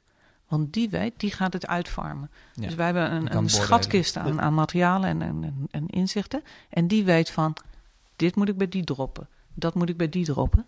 Ehm, en dat is super belangrijk. Dat kunnen wij niet. Want Ja. wij, wij, wij zijn wel in het agile traject. Ja. werken we elke week samen met die teams. Dus je bent voortdurend aan het eh, Ja. zinken en aan het veranderen wat je aan het doen bent. Maar wij blijven buitenstaanders. Ehm, en het zijn gewoon te druk buiten ook. Dus het is een hele intensieve samenwerking. Ja. Maar ze hebben er zeker baat bij dat wij wat zij noemen blind research kunnen doen. Dus wij zijn gewoon een onderzoekbureau en we zijn niet. Ja. Jullie hebben ook niet alle kennis die zij hebben. En dat nee, dat zijn goed. ze ook. Ja, Dus zijn je ze ook bent ook soms niet heel blij mee. besmet door de hypotheses Ja, die dat is intern al... Dat zeggen ze ook Ja. soms. Ja. Ja. Jullie gebruiken wel gewoon Apple computers. Ja. Telefoon. Maar ook een Android Ja. telefoon. Je moet natuurlijk wel kennen waar je mee werkt. Maar wij werken Ja. met heel veel van die grote bedrijven. Dus je hebt alles wel in huis. Heb je al een iPhone 7? Ik ga het gewoon even vragen. Nee, nee, nee. Wil je er wel een? Ja. Ben je, ben je wel... eh vind je het belangrijk om zelf ook eh, eh, goed beeld te hebben van... Nou, professioneel natuurlijk. Maar Ja. ik ben ook niet voor niks een early adopter. Ik bedoel, ik werk in het veld omdat ik het leuk vind. Ja, Ehm, ik hoef het ook niet per se op dag één te hebben. Maar ik heb wel interesse in nieuwe technologie. kijk je eh, Apple keynotes altijd live als ze zijn? Of altijd wel even terug? Of Ja. eh, doe je dat jij? Ja, niet dat ik nou per se iets anders voor afzeg of eh blok in mijn agenda. Maar Vind je, is de, wat, is de, hè, de, eh, we kunnen het er nog wel even over hebben, vind je niet, trainer? Ja, zeker. Ja. Hè, dus eh, de iPhone, iPhone 7 is ben je gewoon- tegen of zo? Nee, juist niet. Heel Nee, helemaal niet tegen Nee, hoor, nee. Nee. Ik wil een uur op. Nee, maar meer eh, in de zin van, eh dat was, eh, eh, Apple Keynote was eh, vorige week, wat was het? Anderhalve week eh, geleden. mhm. Twee en weken. eh anderhalve week geleden. Nee, twee weken Twee geleden. Eén Ja, dag na onze geleden. vorige af- Ja. uitzending. Ja, ja, Ja. oké. En ehm, eh, wat je dan ziet is dat er zo'n, zeker in de wat algemenere media, zo'n zo'n storm is van eh, het is op en er is geen innovatie Ah, meer. Hè, want, eh, Maar dat is ook anders al dan eh, vijf, zes jaar geleden. Toen werd er over de Apple Keynote niet zoveel gezegd. nee. Vooraf wist bij wijze van spreken mijn moeder ook al dat er een Apple Keynote zou komen. Mhm. Die Het is dag. opeens nieuws. Ja, er, er komt een nieuwe iPhone uit. Ja, dat wist ik al, zegt mijn moeder dan. Twee weken voor die keynote. Want die komt dan Ja, en ja. dan. Ja, ja. Ja, dat is ook gek dat dat mainstream is nu. Maar het was wel meer destijds met Jobs dat je er stukjes van zag, zeg maar. Ja. Iedereen hem zo ja, leuk maar daarna vond. pas. De, dat, als die keynote Ja, ja, was geweest. Niet Ja. dat, dat Oh al, ja, dat zeg maar, iedereen wist dat er iets aan zat te komen. Ja. Dat Is was het- dan ineens een verrassing. Is het niet een soort verslaving aan dat, je, dat, dat mensen toen dachten, goh, eh, eh, toen introduceerde Apple hele nieuwe categorieën van producten. Weet je, met Mhm. de iPod en later met de iPhone. En in zekere zin ook eh, met de computers daarvoor. hè. Dus dat, dat waren zulke... Wat dacht je van auto's? Ja. Ja. ja, nee, maar dat is toch... Dat is, Komen nog? Ja. Ja, nee, dat hopen we dan. Ja. Ja, maar, Maar is, die blijven hangen dan. tot, maar is het niet een beetje dat... Want ik vind namelijk... Ik ben ontzettend tevreden met het nieuwe eh, besturingssysteem. Ik heb nog geen iPhone 7 gekocht, maar Mhm. ik vind dat, ik vind eigenlijk, eh, het is bijna net zo moeilijk. Het, het, het wordt soort exponentieel moeilijker eh, om dat ding te verbeteren. Nou, ik Nee, ben, geloof Ja? ik niet. Nee hoor, nee, Ja, nee, ik ben het helemaal niet mee eens. Nou, Dat maar dacht het ik- is, het is minder, het zijn minder grote stappen. Ja. Hè? Dus eerst, zeg maar, oké, laten we het in aantallen features bijvoorbeeld hebben. Toen de iPhone uitkwam had hij vijf features. Mhm. Het jaar erop had hij er 10. Dus dat was een increase van 100%. Ja. Maar het jaar daarna had hij er 15. Dat is nog maar 50%. Ja, maar we zitten nu... Krijg je En- steeds en- en nu- even- ze doen evenveel elk jaar, Nee. maar het lijkt volgens- minder. Ik geloof het niet. Onderschat Siri Nee. niet. Er zit een gigantische Ja. powerful Ja. AI in. En Ja. iedereen zit alleen maar naar die apps te kijken Ja. en die features. Ja, Dat is echt... Ik ja begrijp er niets van. wel. Ja. Oké, wat ik echt te gek vond, is dat ik eh, kwam er vorige week achter. eh, eh, ik had mijn auto naar het autoschadebedrijf ge- gebracht. Wat heb je nou weer gedaan? Ja, nou ja, en, eh, nou, lang verhaal ga ik niet over hebben. Oh, jee. Ja, en, ehm, Autopilot. Nee, je was zeker verantwoordelijk voor die ellende. Nee, dat niet. En ehm, toen kwam ik eh, ergens anders en toen keek ik eh, in de maps Mhm. en toen zei die eh, route naar je auto. Mhm. Ik denk, Dus je, hij wist waar je auto Hij wist waar ja, auto dat, ja, had ik ook op. Twitter ineens. hè. Maar dat blijkt dan weer in Android al een jaar te zitten. Ja. Alleen niemand updates zijn Android heel snel. Maar dus wat- heel weinig mensen hebben dat maar. maar wat ik heel gaaf vind is dat Apple dat doet zonder dat ze eh, eh, data ergens naar een server sturen. Ja. En dat geanalyseerd en dat eigenlijk in die telefoon oplossen. En Ja. natuurlijk is het simpel. Je kan bedenken, eh, goh, wat is een vaker voorkomend vert- eh, Mhm. patroon als iemand met 100 km per uur en een Bluetooth connectie. Weet je, je kan, je kan het je wel voorstellen hoe het Ja. soort van, eh, Ja. hoe, het soort van Ja, en maar ik vroeg me ook toen wel af van hoe weten ze dat je bijvoorbeeld niet in een tram bent gestapt? Hè, hoe weten ze dat je niet bij iemand in de auto of in je auto bent gestapt op een parkeerplaats bij een tramhalte in de buurt of dat je in die tram bent gestapt en dan twee haltes verderop uitstapt? Gaan Ja, ze dan dat zeggen dat daar je auto geparkeerd staat? Het Ja, kan met je, je kan met je Bluetooth-connectie met je auto zijn geweest. Ja, dat ja, denk dat, ik. als hè. dat dan Dat de, ja, dat kan. dat weet ik inderdaad ook Je niet. hebt maar een klein Ja. database Ja, als je een oude- van... oude hebt, dan heb je die feature niet. Nee, en weet je hoeveel... eh, eh, verschillende autotypes en met Bluetooth dingen Ja. zijn er nou eigenlijk echt. Dus dan kan je ook nog tegen... Het is, volgens mij, dat is allemaal nog wel te Ze hadden vorig jaar al de feature in eh, reminders ingebouwd. Van dat je kan zeggen van als ik eh, mijn auto uitga, herinner me dan aan Mhm. boodschappen doen. En dat, dat snapte dat- Siri al vorig jaar. Ja. Maar nu hebben ze dus ook nog eens een plek op Google Maps gezet van die auto die je Ja. dan verlaat. Ja. Apple Maps. Apple. Apple Maps. Zei ik Google Maps? Ja. Apple dat is Maps. wel hartstikke leuk om uit te proberen. Een keer met Bluetooth uit. Een keer proberen uit je auto. Ja. Meteen in de trein, tram stappen. Kijken wat er Ja, gebeurt. dat Op die doen manier sommige leer je- mensen. En zo leer je precies hoe die techniek achter elkaar staat. Vind ik echt iets ja, voor jou? Ja, zeker. Ja. Vind ik echt iets voor jou, moet je, moet je zeker doen. Ik ben, gewoon, ik ben dus gewoon eh, verrast en een beetje betoverd eh, eh, dat dat opeens er is en werkt. Maar heb Ja, jij de keynote gezien, ja. David? Eh, ja, ik heb er ja, stukjes. Ik heb niet alles helemaal gezien. Oké, dus dan kan je ook niet echt vragen wat je ervan vond. Ehm, jawel, kan je me wel vragen. Geke, heb jij de keynote gezien? Ook alleen maar stukjes. Oh, een klein beetje. Wat vond jij ervan? Ik ga niet echt zitten. eh, ja, boeiend. Ja, en, Ja, ik, ik vind het steeds, of, ik weet niet of dat dan veranderd is, maar ik vind het wel veel Amerikaanser geworden of zo. Ja?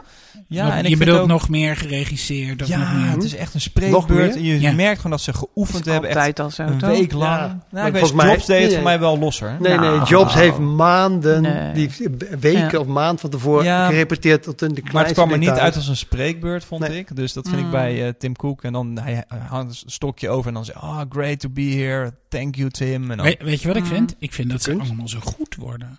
ja, Dus een paar jaar geleden zag je dat... ja eh, Tim wordt wel beter. Tim wordt Ja. beter. Eh, en eh eh, Phil Schiller was altijd al goed, zou ik maar zeggen. Ja. Eh, maar toch, iedereen die op het podium gaat... Ik denk dat ze juist nog meer getraind hebben. Dat je daarom denkt... eh, en, en ze hebben ook allemaal meer mileage. Hè, ze doen het al langer. Mhm. En daardoor wordt het misschien gladder. En misschien vind je dat wel minder fijn. Want misschien was het wel fijn dat het af en toe nog het gevoel had... Er kan iets misgaan. Of het, ik bedoel, het is een beetje de spanning van een theatervoorstelling. Is ook dat... Dat het, en dat als het doodgerepeteerd is, dan krijg je een musical en een clicktrack. En dan weet je precies wanneer het vuur die gast van Google is nog vrij nieuw. Ja, Die India. Het is spannend om naar te Vergeet steeds kijken. de naam Pinchar of zo. Sun Chenjar. Ja. Die- Sundar Pichai. Ja. Dus daar kunnen we misschien nog zien hoe die het eh, Ik weet onder niet, de knie gaat ook krijgen. op het podium met Nog die, niet eh, zo, volgens Google mij. Ja, dat moet nee nog dat andere Ja. mensen over. Ja, maar ja, ik weet niet. Ik vond het toch... ehm, en ik vond de, de humor ook een beetje offbeat deze keer. Ik weet niet wat het was. Ik miste ook eh, Air Force One, die altijd bij eh, WWDC is. Die Mhm. gast met die haren. Craig Frederici. Ja, Craig Federici. Ja. Ehm, ja, maar goed. Eh, en, en wat vond je van de dingen die gepresenteerd waren? Nou, bijvoorbeeld al die ophef over dat, dat die... die eh, Audio jack. Ja, Ja. dat kan me niet Nee, zo boeien, eerlijk gezegd. Nee. En dat wist iedereen ook al. Het is toch Dat is jammer eigenlijk. Hè? Nou, dat maar er toch dat veel dat- gelekt wordt Ja, maar dat is denk ik wel bewust. Eh, Ik denk dat Ja? Apple, ja, dat is, Ja, dit is positief voor Apple. Dat het al zo eerder gelekt is. Oh, Al die is al geweest heel zonder erg dat het officieel is. En Ja. dan En overigens ze die, vinden ze eh, niet erg, denk ik. En die koptelefoon hadden ze nog redelijk goed. eh, Ja, die was niet bekend. Nee. Nee. nee. die twee piemeltjes zo uit je Ja. oren. eh, Jullie hebben allemaal geen eh, Apple Watch, of wel? Ja hoor, zeker. Een nieuwe oh, zelfs. wel. Deze is eh, ik dus nog niet. van twee, twee ik weken geleden. Ik ga geen, Verrassend nieuw- vind van mezelf. ik, ik ga geen nieuwe kopen. Oh, nee.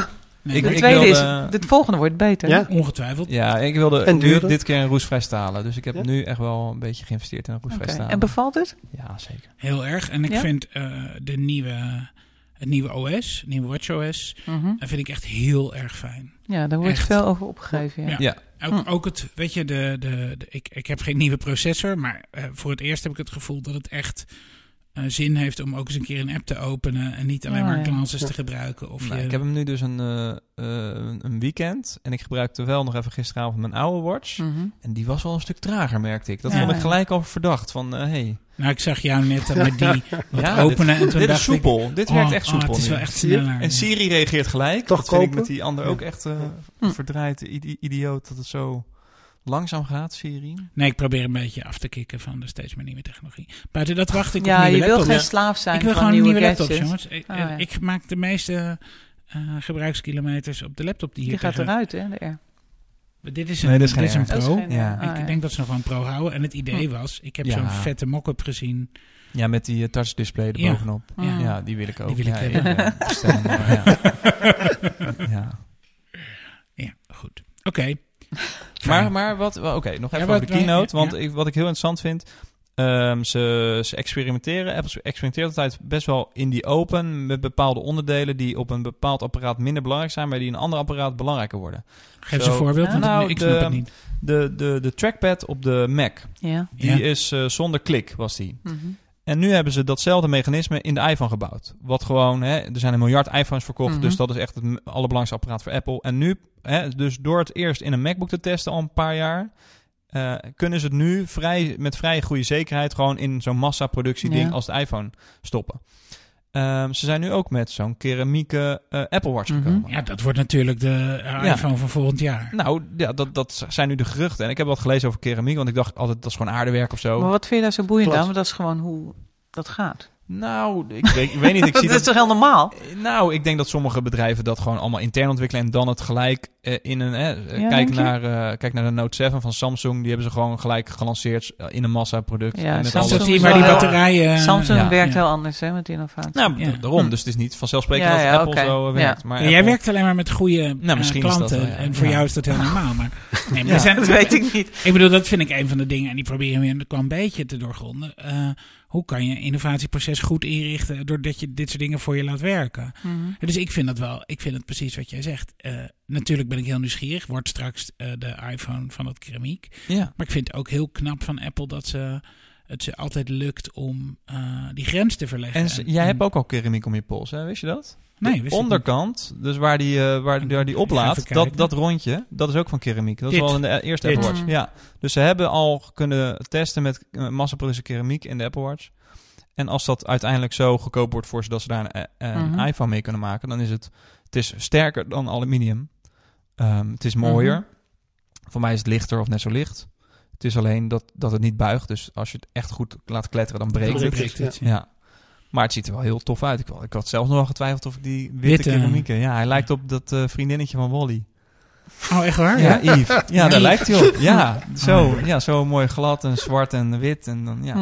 Oh, ja. Maar het, hij staat niet op mijn pols, zo'n wit ding. Dat is toch niet eh, mijn stijl. Het is meer voor meisjes. Ja, Nou, vrouwen. niet. Maar is het wel een vrouwending? Weet ik niet. Niet per se, maar niet, eh, niet mijn stijl dan. Nee, Nou, dat kan. Met witte Ja. sneakers. heb ik ook niet. Nee, oh. Dus ja, daar ga je al. Ja, keramiek. Maar ik had dus wat over keramiek. Ik dacht dat het aardewerk was. Maar het is gewoon echt een, een Mm. eh, hoe noem je dat? Een twee componenten eh, pro- product Ja. van en metaal en Een een, composiet. en Ja. een aardewerkachtig iets Dus of zo. geen echt keramiek. En je hebt heel verschillende soorten keramiek. Ja, je hebt... Je hebt Volgens ja. mij wat, is het Het ceramics keramiek- en een ja. keramiek is Ja. gewoon niet een één op één vertaling. Oh, zo is dat. Dus Ja. de, de Nederlandse vertaling is verkeerd eigenlijk. Ja. Ja, ceramics. eh, Een ja. composietmateriaal, zeg ja. maar. Oh, oké. Maar dan hard gebak. Volgens mij heb je ook aanrechtbladen van dat keramiek. En het zo hard. Dan kan je met een mes nog geen kras in krijgen. Ja, maar dat is heel loodzwaar. Nee, nee, is heel licht. Oh, gaat. Dit is ook een, eh, voor mij een centimeter dik. Wa- Geen idee, Nee? ik ben helemaal niet met Volgens eh, mij eh, met materialen bezig. materiaal Nee, eh, ja. onderzoek. Jammer. Nee, totaal niet. Dus je hebt- oh, dat vind ik wel interessant. Jij doet echt alleen onderzoek voor en projecten voor digitale Nou, projecten? In principe Zo, niet, maar in dit, in dit gebied Nee? is het voornamelijk software, ja. Maar in andere Geen nieuwe niet. tandenborstels of andere... eh, Ja, er zijn, zijn wel, zitten wel producten in dienstverlening, maar niet materialen. Nee. Internet of Things-achtige dingen wel. Heb je dat soort dingen al? Auto's, stelt dat? Ja, zeker. Ja, dat is, eh, Connect- ingebed Connected devices. Ja. Ja, ja. Oh, ja. Ja, dat worden steeds meer een soort een telefoon waar je in zit. ja. Ja. Fietsen mag ook. Oh ja, nee, Nee? die zijn nog Nee? niet zo smart, Hey, hè? Ja, die Ja. zijn er wel. Hè? Van Ja. Moof is voor mij bezig met een smart bike. Oh ja? Ja, die hebben, die, daar zag ik laatst eh, fotootjes van. En die, die kan je dan met, je app, met een app op je telefoon inlokken. ja, precies. Ah, Maar- Ja. En vinden ook als hij kwijt is. Je Maar, maar in dat soort dingen geloof ik wel heel erg in het no UI principe. Hè? Dus het idee, als ik een, een sleutel van mijn auto uit mijn zak haal en ik druk op een knopje, is die open. Als ik eh, mijn fiets of mijn, de- of mijn auto met mijn app moet inlokken, dan word ik... Maar hetzelfde doet Apple Ja. met die nieuwe oordopjes. Er zit ook geen knopje op, niks. Ja. En er zitten hele slimme dingen in. Eh, als je namelijk eh, muziek aan hebt staan op twee oordopjes, je haalt er eentje uit, Oh ja. dan gaat hij op pauze. Want dan neemt hij aan dat je even met iemand wil praten. Oh, Vind ik slim. heel slim. Als je allebei uit je oren haalt, dan gaat de muziek weer automatisch over naar het apparaat waar het vandaan komt. Mhm. Dan ben je namelijk klaar met luisteren. En het is eh, bewegen, tappen, dan open je Siri op dat ding. Ja. Eh, heel slim. Er zitten gewoon echt letterlijk twee computers in die dingen. Want ze moeten ook... De meeste Bluetooth oordopjes hebben nog zelfs een draadje naar elkaar. Hè? Die Ja. Beats dingen hebben een draadje. Ja. Ze moeten soms met- in sync te Maar houden. dat is wel een dus de groot audio ding. is echt Ja. stereo in sync. En dat doen ze ook draadloos met elkaar. Ja, dat vind ik dus toch een heel groot ding. Want dan, Ja, dan ze zijn je ook dus, daarom best wel duur. Nee, maar Ja. ook om van de schermen af te komen. Dus Ja. we zijn er heel lang bezig geweest met hands-free, maar we moeten nu naar screen-free. ja. Ja. Dat je niet meer Ja. voortdurend op een scherm Nee, dus- hoeft te kijken om iets En daar, te doen. en daar Dus kan dat, dat Siri is, natuurlijk bij helpen. iedereen stem bezig. en, en Ja. terugkrijgen. En je, je wil eigenlijk informatie om je heen zien en niet Ja. steeds... Dat is voor mij de next Ja, step dus- voor die telefoon. Je kan denken, er wordt nou, niks nieuws. Wat Maar dacht je van het horloge? Dus Ja? Een combinatie van eh, eh, de volgende iteratie misschien van het horloge. waar Is met simkaart. is met een simkaart. geen en- dan is.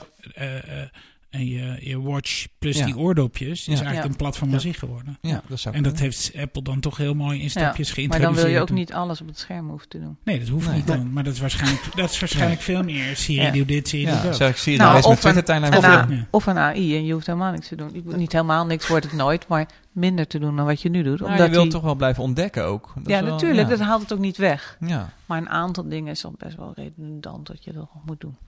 Ja, nou bijvoorbeeld ik vind het ook Hallo best wel... eh, Reinier, we gaan even pauzeren. oh, Want we gaan naar een Sorry. sponsorboodschap luisteren. Zoiets? Is dat een ei? Tot zo. glitch, Deze podcast wordt mede mogelijk gemaakt door Iden Spiekerman. Nou, Joost, jullie hebben nu zoveel designers zitten. Jullie zijn vast wel op zoek dan naar nieuwe uitdagingen. Voor Ja. Eden Spiekerman. Eden Spiekerman. Wat, wat zijn de uitdagingen waar jullie naar op zoek zijn juist? Wat past eigenlijk, welke klant past het beste bij Iden Spiekerman? Een klant die eh, op zoek is naar, naar een eh, kruispunt staat om innovatie toe te passen om hun merken te versterken. Ik denk dat merken en innovatie voor ons eh, de meest spannende Ja, combinatie Dus is. als je eigenlijk echt wil innoveren, voorbij de hype van de data en voorbij de hype van de virtual reality en wil kijken hoe je echt eh, eh, naar een nieuwe waardepropositie kan komen, dan moet je bij jullie Ja. aankloppen. Het liefst met wat, wat complexe eh, vraagstukken. Oké, heb je ook een complex vraagstuk? Kijk dan op www.idenspiekerman.com. glitch, Die merkkennis hebben. En je kan natuurlijk innoveren alleen voor je klant en voor de business. Maar uiteindelijk is het eh, je, zeg maar, je merkpositie in de markt. Omdat Mhm. Zeg maar, je, je de kleur te geven aan je dienstverlening. Dat is wel voor mij onze kracht. We hebben natuurlijk uit Ah, het verleden heel veel merken ontwikkeld. En dan ben je, eh, je vroeger waren vooral bezig met, met de buitenkant, of het- zeg maar de toeterkant, eh, de Mhm. belofte van, van het merk. En we merken natuurlijk met eh, die service design dat je dan veel meer aan de, eh, de invulling van diensten bezig bent die bijdragen aan je, je merkbeleving. Ja. Uiteindelijk is dat ook je merk voor heel veel bedrijven. Je service, en al die touchpoints, dat is natuurlijk hoe je... Is je karakter. Ja, van je Ja, merk. Ja, Ja. maar En, het en dan dat- vanuit een merkblik naar die services kijken. Dus de, eh, het internetbankieren van de Rabobank anders maken dan van ING. Ja. Terwijl je dezelfde soort klanten hebt, dezelfde Nou, dat is soort wel problemen anders oplost. hoor. Wat, Nee, maar de Rabobank heb en de ING Ja. heb. Maar dus onderscheidend vermogen, zeg maar. Ja, maar ook iets wat past bij maar ook de- identiteit. Ja, Precies, ja, ja, het is niet alleen Ja. de buitenkant, maar het moet ook passen bij de, zeg maar, degene van het bedrijf. De ene bank is de andere niet. Ja, We hebben ABN AMRO voor Rabobank gewerkt. Dat zijn gewoon verschillende bedrijven. Dus dan wil je eigenlijk ook een andere manier naar buiten treden. ja. Ik denk dat juist eh, voor heel veel bedrijven er ontzettend veel te winnen is als je die dingen bij elkaar brengt. Die dingen. Ja, dus zeg maar merkidentiteit en je producten. Dat zit nog heel erg, wordt heel vaak in Ja. organisaties heel verschillend gemanaged. Het ene is vaak van eh, marketeers en het andere is van... eh, Ja. eh, Nee, ik weet in, wel dat in het het slechtste geval belangrijk ICT. Ik zit De alleen in best- mijn achterhoofd te denken of het bij ons ook zo'n rol speelt. En ik denk dat wij eigenlijk juist een beetje daar vandaan stappen. Dus bijvoorbeeld, we hebben afgelopen jaar ook veel onderzoek gedaan in een andere sector, telecom. Dan werken we bijvoorbeeld voor Vodafone veel. Maar ik denk dat wij dan eigenlijk proberen minder met die merkkant bezig te zijn, omdat ze dat al zoveel doen. En meer te zeggen van ja, die mensen, en dat is ook in zo'n vechtmarkt, mensen kiezen niet heel erg op het merk.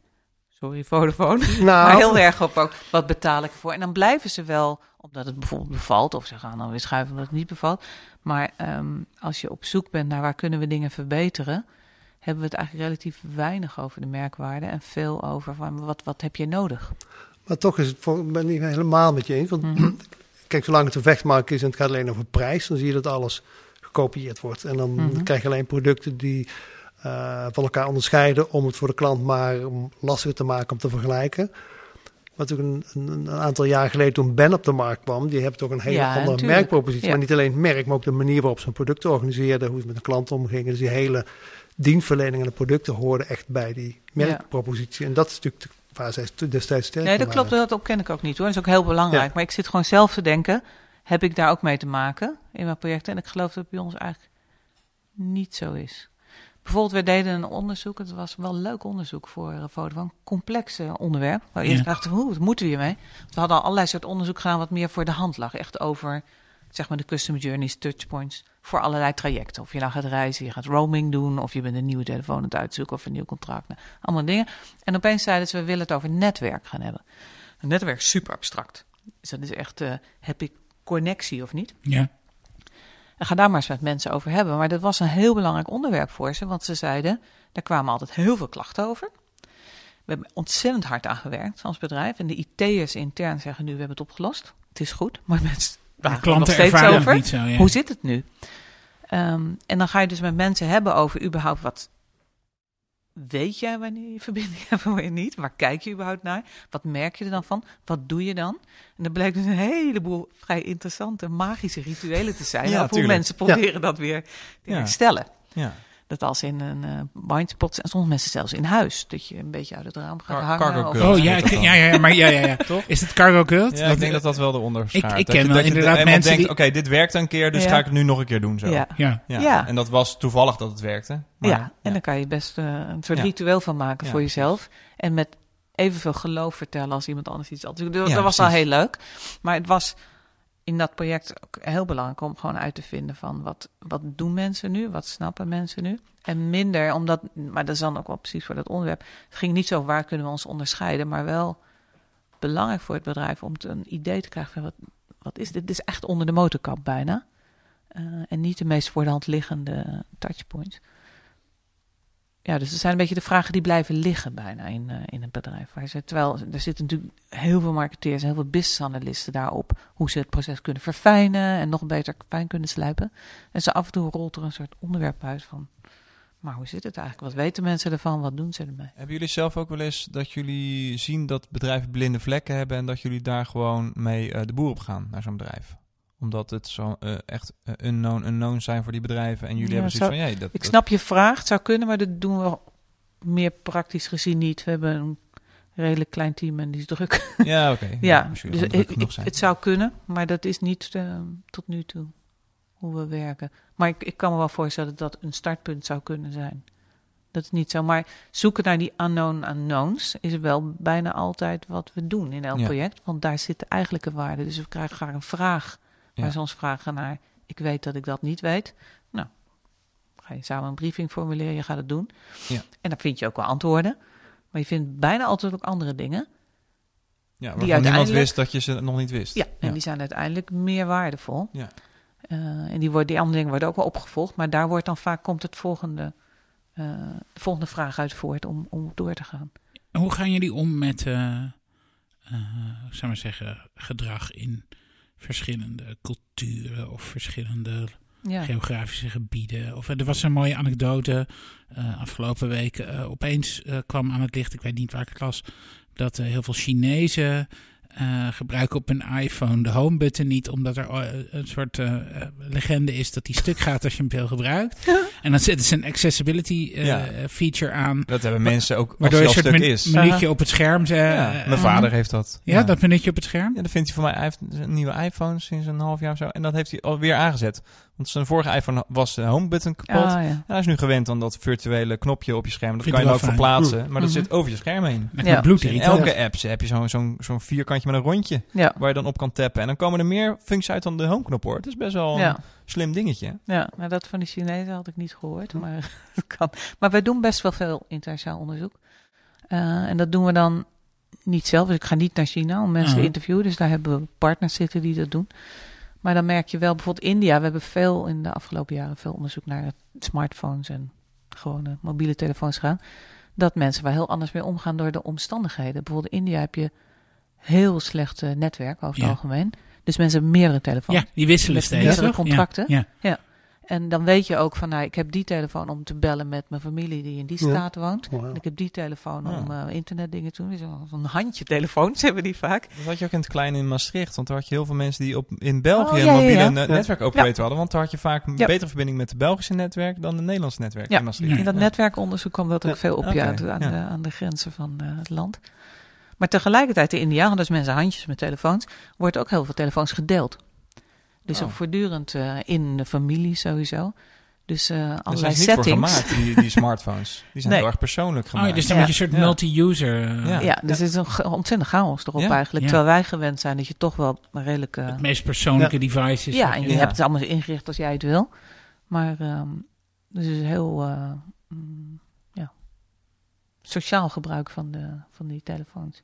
maar dat je doet dat niet zelf. Dat, dat, je gaat niet... Nee, dat doet dan die Indiase partner. Maar omdat bijna altijd die internationale onderzoeken in meerdere regio's plaatsvinden, gebruiken we allemaal dezelfde Informatie. tactiek. Oh ja. Maar dan is dat is ook wel weer heel leuk. We proberen natuurlijk de methodiek hetzelfde te laten zijn, anders kan je het niet in de analyse Ja. bij elkaar zetten. Maar de, hoe je het doet is dan weer anders. Dus als wij hier interviews doen, ze bereiden samen met bijvoorbeeld die internationale, met die Indiase partner de vragenlijst voor. Hè? Dus wat je ongeveer gaat vragen. En ik weet hier dat ik best goed moet plannen op hoeveel tijd ik bij iemand, als ik jou thuis kom bezoeken om te interviewen. En ik zeg, Kan je nou, niet gaat eh, twee uur blijven plakken. Nee, precies. Terwijl in India zijn mensen ehm, beledigd als je te kort Oh ja? blijft. Ja? dus je moet. Ik ben wel eens mee geweest, dus dan ga ik met ze mee. En ik werd helemaal een beetje onrustig van. Ja. We zitten hier nog en we gingen eten en Ja. eh, koffie en rondleiden door het huis. Straks komt de ik- familie nog allemaal even een handje geven. Nee. En toen vroeg ik dat later, zeiden ze: nee, mensen, dit is belangrijk. Tijd besteden. geef status. Ja, ja, en ook dat jij dus echt in ze geïnteresseerd bent. Nou, en dat weet je niet als, eh, als buitenlander. Dus dat is wel heel grappig. Maar we doen dus wel hetzelfde onderzoek. Dus in, wij moeten ook gewoon vertrouwen dat die lokale partner wel weet hoe ze het doen. Dus hoe ze die data ophalen, als we maar goed afspreken wat we willen hebben. En dan ook ruimte laten voor verrassingen te vinden. En daarna gaan we het allemaal weer bij elkaar leggen en eh, vinden wat hetzelfde is. Want dat is dan altijd de vraag van de klant. Wat kan ik zeg maar wereldwijd uitrollen? Oh ja. Wat Ja. is overal ongeveer hetzelfde? En wat is het verschil? Dat Heb je, heb je daar een soort van algemene eh, patronen al in ontdekt? Of is dat helemaal van case tot case verschillend? Ik bedoel, er zijn natuurlijk heel veel eh, Ja. Nederlandse bedrijven die in internationaal perspectief opereren. En ja. er zijn maar weinig die echt eh, een multicultureel onderzoek doen. ja.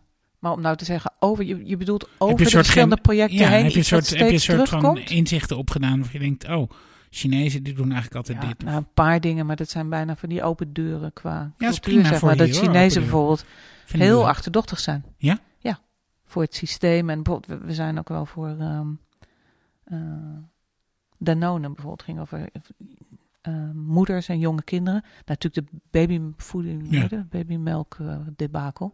Maar alles wat te maken heeft met gezondheid. Wordt gewantrouwd. En zeker rondom kleine kinderen. Dus dat is gewoon hyper. Weet je, dat is een. eh, een appel wordt eerst drie keer gewassen met speciale zeep. En dan nog weer met water wat vier keer gefilterd is. eh, en dan nog geschild. en op een apart eh, bord gesneden. Oh ja. Dus dat, dat is totaal anders dan wat je hier eh, tegenkomt. Dat, dat begrijp ik dan wel waar het vandaan komt. Ehm, en is maar één kind natuurlijk. Dus dat is ook Ja, super, super ja. belangrijk. Dus je gaat heel anders met dat kind om. ja, en die ouders gaan op dat kind, maar die hebben ook nog vier grootouders, die ook allemaal woe, en die wonen bij elkaar. Dus dat eh, al die ogen zijn op dat kind gevestigd. En, dat, en ehm, ja, het, hier kun je nog het systeem wel een beetje vertrouwen, maar daar niet zo. Eh, dus mensen zijn daar heel achterdochtig en proberen alle zekerheden, onzekerheden uit te bannen. ja. Ja. Ben je een soort grenzeloos nieuwsgierig? Ja, ik denk het wel. Ja? Ja. Nou, grensloos groot woord, maar ik ben ja, wel heel nieuwsgierig. Moet ook wel. bijna. Nou, ik ben vooral heel nieuwsgierig om ehm, iets uit te vinden. En eh, vaak wel als een nieuw project op ons afkomt van... Oh, nou, zou ik best eens in willen duiken. Kijken, hoe zit dat nou? Eh, kijken of we er chocola van kunnen bakken en eh, advies terug kunnen geven. Was je altijd van plan om onderzoeker te worden? Eh, nou, niet vanaf dat ik vier was. Toen vroeg ik je, vroeg je je op poppen al maar eens een open deur in te trappen. Ja, ja. Internet of Things eh, had ik toen voortdurend over ook. User experience. Ja, dat is heel de belangrijk. Nee. nee. maar het is wel, toen ik ging studeren, ik ben een heel ander eh, gebied begonnen. Eh, Medicijnen, gewoon iets, moeilijks leren. maar al vrij snel gaan doorschuiven en bij sociale wetenschappen terechtgekomen, ja. Culturele studies. Dus vergelijken hoe mensen Ja. in verschillende culturen omgaan met dingen. En eh, sociologie, politicologie. Maar dat was toch helemaal eh, eh, toen nog niet zo gericht op echt pragmatische Ja. toepasbare dingen doen waar eventueel etnografie. bedrijven wel, ja? Nou, nou ja, ik zit zeg maar in die eerste lichting communicatiewetenschappen. Daar Ja. had je 90% dat was PR. Ja. Daar zat ik niet. 10% was cultural studies en dat is critical theory en etnografie. Kijken wat doen mensen nou Ja. eh, in de wereld en eh, hoe kun je daar kritisch naar kijken. Kijken hoe dingen beter kunnen. Eh, dus dat is altijd een apart hoekje geweest op de UvA en dat internationaal ook. En dat was al heel snel, had dat een, een verbinding met hoe je die kennis in kon zetten. Ja, dat had wel producten en diensten. Ja. Ja. En ook toen al veel, en dat, dat is het leuke van een beetje in die mediawereld zitten, veel experimenteren al met fotografie en Ja. met eh, video. Dus heel visueel werken. Ehm, dus dat zat er wel al vroeg in, ja. Maar to- toen was er nog geen internet, maar dat kwam dan later. Als, maar je, je moet je toch maar eens voorstellen dat je dit soort onderzoek ehm, eh, nou, 30 jaar geleden had moeten doen. Ja. Dan had je heel wat rolletjes film moeten ontwikkelen. En, eh, Ja. Dat was eh, nog veel duurder geweest dan nu. Eigenlijk had het misschien helemaal niet gekund op deze schaal. 30 jaar geleden Ja, je hebt echt wel een soort van eh, de digitale revolutie nodig gehad om op Ja. grote schaal dit type onderzoek. Ja, nou niet helemaal. Hoe in, wat was het? 89 of zo. We hebben met Paradiso al die festivals, de digitale stad en eh Next Oh, Minutes. ben je een DDS'er? Ja, ja, ik heb Ja? het mee opgericht. ja. Serieus? Ja. Echt waar? Grappig. Oh, wauw. Zelfs ik heb nog een account gehad. Ja, Ja, ik Oh, ja? ik ook. ja was zo eerst mijn Nou, eerste goed. stapjes. Ja. Na- Ben je een- samen met nieuwsgroepen. Ja. Ben je medeoprichter? Ja, Ja, ik zat in de koorgroep, ja. Oh, wat cool. Ja, in eh, Bali, Paradiso. Ja. ja. Dus met dat was met de tijd. Marleen en ja, met... eh, ja. Philippe. Ja. Ja. ja. Dus dat was het begin van digitale internet in, in Nederland. Ja. Ehm, en aan de andere kant van de wereld ook. Maar toen was er ook, ja, qua media natuurlijk nog niet zo. Radio was er wel. Zeker. Videobandjes waren er ook wel. maar dat maakt voor de vraagstelling en de nieuwsgierigheid, waar je net naar vroeg, maakt het niet zoveel uit. Toen ging het ook om wat doen mensen nu. Dus in die, in die drive zaten natuurlijk heel veel technische mensen, het al die Ja. hackers, zaten ook creatieve en relatief weinig onderzoekers. Ja. Dus zaten wij met een klein groepje van, ja, leuk, leuk, leuk, leuk, leuk. Wij kunnen er wel maar wat zin in. Ja, is het Ja, en wat doen die dan precies? En wat, eh, waar is het voor? En eh, wat, wat kunnen ze ermee? Dus dat, dat was toen al een vakgebiedje waar we dat, zeg maar, die ehm, studie op toegepast hebben. Die cultural studies en etnografie. En dat doen we eigenlijk nu nog steeds. Goed, hè? Dat is wel leuk. Ja. Maar ehm, ik zie ook dat er heel veel, zou ik maar zeggen, wat mensen dan ook innovatie noemen, is eh, die toch heel erg gaat over volg de technologie-hype. Zie jij dat ook? Dat is ook een stroom erin, ja. Die is ook belangrijk. Dus Vind je, destijds... dat, vind, je dat, vind je dat ook belangrijk? Ja, natuurlijk. Ja, Ja. nee, maar ik bedoel, je hebt, eh eh, zou ik maar zeggen, daar waar de technologie ontdekt en gemaakt wordt. Hè, dus Ja. Hele, eh, de, dus eh, weet ik veel wat, een Xerox, vroeger. Ja, Ja. of een soort eh, nieuw open source framework voor eh, Ja. op grote schaal. eh, Mozilla. ja, Dat is toch super belangrijk? ja, dat bedoel ik. Nee, dus ja. dat vind ik ook fantastisch. Ja. Je wilde ergens anders heen.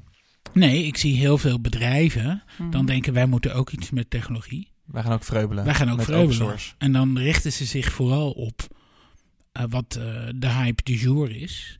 Oh, maar dat is iets anders. Natuurlijk moeten ze iets met die technologie, maar dat is niet het enige wat je moet doen. Nee, Dus natuurlijk, eh, iedereen moet nu met NFC, Allemaal als ze, als ze hè? kunnen, wat Ja. doen. En, eh, natuurlijk. Ja. Maar, ehm, je moet maar het niet ook zonder niet... een kader en een Nee, perspectief. natuurlijk. Je Ja. moet dan ook... ja, maar dat gaat zo vaak mis. Ja, Ik- is dat zo? Ja, ik vind, dat Je- vind je ik wilt wel. is te het graag. makkelijk om dat te zeggen, maar is het zo? Ja, Oké. nou, eh, eh, maar Ja. misschien heb ik gewoon eh, een heel beperkt wereldbeeld. En, eh, Ah. Nou, je ziet het toch wel bij een aantal klanten dat de hype worden, NFC, eh iBeacons. Dat moet erin zitten. Als je dat hebt, dan Ja, maar dan hoor je moet je het ook volop. het- Kijk, Internet of Things wordt al nou tien jaar of zo hè, Ja. geroepen. Dat is er niet totdat we er allemaal mee gaan spelen en worstelen. En, en daar horen die iBeacons en RFID en zij hoort er allemaal bij. Ik denk dat het zelfs nog wel korter is. Tien jaar geleden ging het meer over Web 2.0. Nee, nee, nee, nee, nee, Nee, waar, Internet of Things- Ubiquitous computing is sinds het begin van Ja, millennium. en dat Ubiquitous is computing is wel 2006. het woord wat we gebruikten voor. Maar goed, er Dat waren klopt. niet zo heel uit. Maar je moet dus met al die technologie. Je, je bent er niet in één keer. Dus je moet gewoon rommelen en, en proberen. En niet alleen dat natuurlijk. Je moet ook de business models uitvogelen. Je moet ook de, de, de user experience kant. Je moet ook de interface kant. Moet je allemaal uitvogelen. Maar je moet het wel doen. Maar je moet het ook niet onderschatten. Dus laatst ging ik naar, was erg leuk in Londen, een meeting van hardware pioneers of zo. Ja, Ja, leuk even kijken. Ja. En dat ging helemaal over Internet maar echt over wat er onder de motorkap nodig was. En die hadden echt zo dat gelul van iedereen over Internet alsof Ja. het zo makkelijk is. Dat gaat gewoon niet lukken totdat we dat low energy Ja. netwerk hebben. Weet je? Ja. Dat, ja. maar anders kan het gewoon niet. Het Ja. kan niet met de infrastructuur die we nu hebben. En dat wordt ook wel eens vergeten, dat die technologie zo belangrijk is. Dan wordt goed, oh, we weten het allemaal, dus op het visionaire vlak kom je er ook niet. nee, nee, totaal niet. Nee, dat snap ik. Nee, het moet allemaal maar wel kunnen. Ja. Dat is hetzelfde als dat eh, in, de, in, de, in het gepraat over big data. Ja. Het is prachtig dat er allemaal eh, open source frameworks zijn en dat je met drie klikken en één keer swipen met je creditcard Mhm, een, een heel data warehouse eh, opgestart hebt in de Amazon Cloud. mhm. Het is geweldig dat dat nu kan. Dat is een heel Mhm. mooi begin. Maar uiteindelijk is het gewoon, weet ik, ontzettend lastig om daar dan zinnige. Ja, En dat kan wel betrouwbare eh, en vijf of tien jaar Ja. duren om dat goed uit te vinden. Maar je moet wel in die sandbox aan de slag. Want je hebt het niet in één keer goed. Maar moet iedereen dat doen? En, en, en tot in welke mate? Nou, veel wel, ja. Als het een beetje op moet schieten. Iedereen is wel groot. Moet een, een ziekenhuis in Kerkrade doen, is Nee, toch? een vraag. Maar je kan ook zeggen, laat die even wachten tot anderen het uitgezocht hebben. Maar veel moeten er wel mee aan de slag. Ja. Als het echt wat waard is, als er echt een, een belofte zit, dan moeten er veel mee aan de slag. Willen we vooruitkomen? Dat denk ik wel, ja. En dan moeten we accepteren dat eh 80% van die effort voor niks is. En dat er daarna Dat misschien niets uitkomt. Dat kan. Ja, Dat voor niks zou het slecht zijn. Hopelijk heeft het wel Ja, geholpen met vooruitgaan. Maar ja, dat is ook innovatie en technologische vooruitgang, ja. Anders hadden we eh, het net niet zoals het er nu is. Als er niet en anders dan is je horizon misschien te beperkt, omdat je er vandaag resultaat uit wil hebben. Ja, dat zou goed kunnen, ja. Ja. Maar toch zie je wel een hele grote groep volgers die het doen om de techniek. De hele, toch nog steeds een eh, drang om apps te maken. Toevallig vandaag een klant Mhm. die een app wilde voor één event voor 100 man. Om het, om dat het een app moest zijn. Ja. Het is, dat, dat, dat vind ik wel doodzonde, want ben je niet aan het innoveren. Je volgt, je pakt de techniek en nou, oké, dit moeten we, willen we hebben. Het moet iets met een app. Of Ja. ik heb laatst iets gezien voor een, een NFC-oplossing. Dacht, nou, volgens mij is het... eh, met een Ja. poster kan je dit veel simpeler oplossen. Maar ja, weet je, je dan- kan, het is jammer inderdaad, maar je kan je er druk over maken. Je kan ook denken van, nou ja, dat gebeurt en dan ga ik me niet mee bezighouden. Toch? Nee, dat klopt. Ja, kan zeggen, dan Ja. moeten ze het niet doen. Ja, laat ze het lekker doen. Mm. Het is misschien zonde van het geld, of het is misschien geen succes. Maar als ik mijn energie moet gaan stoppen in dat proberen tegen te houden of tegen te spreken, denk ik van, nou ja, lekker. Ik ga gewoon wat anders doen, waar ik wel enthousiast van word. Maar En- weet, je, weet je misschien waarom ik erop aansla? Is omdat ik ook wel in organisaties kom. Waar ze gewoon eh, zoveel van dat soort mislukte projecten Oh, gedaan hebben. En waar best wel wat geld is afgezonken. Mhm. En als je dan met een voorstel komt van. Zullen we dit eens aanpakken? En het is, Ja. je probeert het in te richten vanuit de behoeften van de gebruiker. En het is helemaal niet eh, heel ver weg. Dat mensen dan zeggen, ja, dat gaan we niet doen hoor. Innoveren, dat, eh, nou, dat hebben we ooit eh, in 2004 wel eens geprobeerd. En daar hebben we miljoenen aan uitgegeven. En Ja? dat gaan we niet... Ja, ja, ja. Terwijl als je met een soort hot technology komt, dan gaat het er wel door. Ja, dus als dat je- is wel een beetje lullig. Ja. Hè, dus die, dus, ik weet niet wie zei dat ook alweer. Dat je de mens is eigenlijk eh, overschat het effect van technologie op de korte termijn, maar onderschat het effect Ja, van technologie op de lange termijn. Dus Ja. dan ken ik weet niet even van wie het was, maar dat herken ik wel. Dus Ja. die Elon Musk, waarschijnlijk. vast. ja, Of zijn broer. zijn broer. ja. ja, ja nee, maar dat, dat herken ik op zich wel. Maar om daardoor nou te zeggen dat ze het helemaal niet moeten doen. Nee, nee, ik vind juist Ja. dat het. Ik zou graag willen dat er veel meer uitgeprobeerd en geëxperimenteerd werd. Maar Ja. Ehm, om dat voor bedrijven zinnig en eh, draaglijk en eh, eh, te verantwoorden naar Ja. de aandeelhouders te zijn, moet je ook gewoon afspreken. Nou, dit geld mag in iets voor de lange termijn. Ja, Dit geld, daar blijven we iets dichter bij huis. Gaan we kijken hoe we wat meer ontwikkelde technieken inzetten om onze processen te optimaliseren. Vanuit onze klantperspectief willen we deze en deze, deze knelpunten oplossen. En dan kan je heel goed en heel innovatief bezig zijn. Maar Ja. dan is er een beetje reason behind the madness. ja nou, dat hangt dus op goed management. Ja. Dat die in de gaten hebben. Dat en op visie en om in investeren in? Innove- investeren in technologie gaat, maar ook in waarom dan. Ja. En, eh, En als Ja. je dat nou, eh, als je nou, je werkt in een bedrijf of je hebt een idee voor een bedrijf of een start-up en je denkt, ik wil eigenlijk wat meer gebruik maken van inzichten van mijn gebruikers, wat moet je dan doen? Hoe kun je daar dan Naar morgen mee beginnen? Naar naar buiten. Ja, Zelf naar je hoeft niet per se ons in te huren. Ga gewoon maar eens praten met wat mensen die het gebruiken. En gebruik je gezond verstand. En ga niet inderdaad, waar we het in het begin over hadden, meteen al je ideeën op tafel leggen. En, oh, zal ik dit weer doen? Dat weer doen? Dus ga gewoon maar eens, eh, zoals je op een eh, familiefeestje met degene naast je praat. En een beetje interesse tonen in wat diegene doet. Van, oh, goh, interessant, vertel eens wat meer. Eh, en begin bij werkelijke ervaringen. Waar we het inderdaad ook in het begin over hadden. Niet eh, bij dromen en intenties, maar gewoon van hoe gaat iets nou? En waarom gebeurt dat? En waar zit de, waar zit de pijn? Waar Ja. kan wat verbeterd worden? En waar zit eh, de passie? En moet je vooral niks gaan lopen innoveren of eh, verbreken? En dat is helemaal geen rocket science. Nee. Dat is in feite, als je een beetje empathisch eh, vermogen hebt, wat de meeste mensen gelukkig wel hebben, dan kan je zo'n gesprek best wel voeren. Dus al ga je maar, want we krijgen natuurlijk vaak eh, vragen als we presentaties geven van, eh, maar hoeveel mensen moet ik dan interviewen? Nou, als je er nul doet, is het altijd slechter dan wanneer je er drie doet of vijf. Dus je hoeft niet meteen full-blown onderzoek op te zetten en alles te valideren. Ga gewoon maar eens met wat mensen praten en al heel snel komen de eerste eh, patronen en terugkomende issues wel, voor, wel eh, voorbij. Maar ja, dan krijg je heel gauw eh, van de wat minder veranderingsgezinden in zo'n organisatie. Dat ze dan zeggen, ja, Ja. maar dit, dit onderzoek, dat heeft geen status, is niet gevalideerd. Het, Ja, dat zijn mensen die geen zin in Precies. verandering hebben. Ja, daar komen wij natuurlijk ook tegen. En dat is wel het verschil. Ik heb natuurlijk geleerd hoe ik daarop moet antwoorden. Ja. En als je dat niet... wat, die moet je ervaring dan, hebt. wat moet je dan zeggen? nou, dat is een beetje een saai academisch verhaal. Ja, is dat zo? Is dat een zaak? ja, maar dan moet je over validiteit en Ja, ja. betrouwbaarheid. Maar dan ga je het gewoon uitleggen waarom jouw onderzoek wel goed is en klopt. Ja, waarom welke je voor dit soort welke onderzoek... methode je gekozen hebt. En dan hebben ze toch geen weerwoord op. Nou, dan snappen ze het beter. En dan krijg je niet meer eh, die weerstand die gewoon op weerstand gebaseerd is. En Ja, niet per se op kennis ja. ervan, maar die gebracht wordt alsof er kennis is.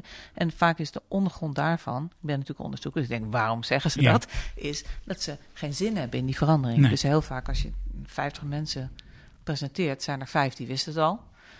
Vijf die er helemaal geen zin in hebben. En veertig die het eigenlijk wel interessant vinden. Eh, te luisteren. En die, die vijf die er helemaal geen zin in hebben, die kunnen soms best wel eh de hoogste woord voeren. Dus die moet je best snel spotten en Isoleren. nou ja, even uitleggen. Ja. Bij de les brengen. Ja. Dus dat, dat is natuurlijk wel een verschil. Dus als je een hele enthousiaste, optimistische innovator in een bedrijf bent... die je denkt, van, ik ga dit doen... zal je die weerstand zeker tegenkomen. Dus daar moet je je op voorbereiden. maar ook dat is geen rocket science. Eh, dus daar, daar kom je ook weer voor. Als je echt eh, ehm, veel energie hebt, dan kom je daar wel aan voorbij, denk ik. Maar, Maar, vooral uit die euforen toren gaan is wel belangrijk, ja.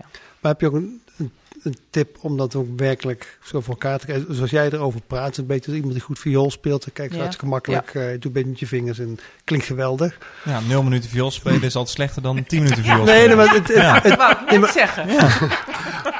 Maar het klinkt zo makkelijk. Van je gaat zitten en je bent empathisch, je kijkt wat. Maar je weet zelf toen in, bij NS waren er mensen bij die zeiden: Nou, ik kom hier dagelijks per rond. Ik had het nog nooit gezien. Het is Mhm. volgens mij hartstikke moeilijk als je in een organisatie zit en je weet precies hoe het werkt. Je hebt een beeld van je klant. Om dan die knop om te zetten en daar blanco met open, eh, helemaal eh, open vizier naar te kijken. Ja, tuurlijk, het is een vak.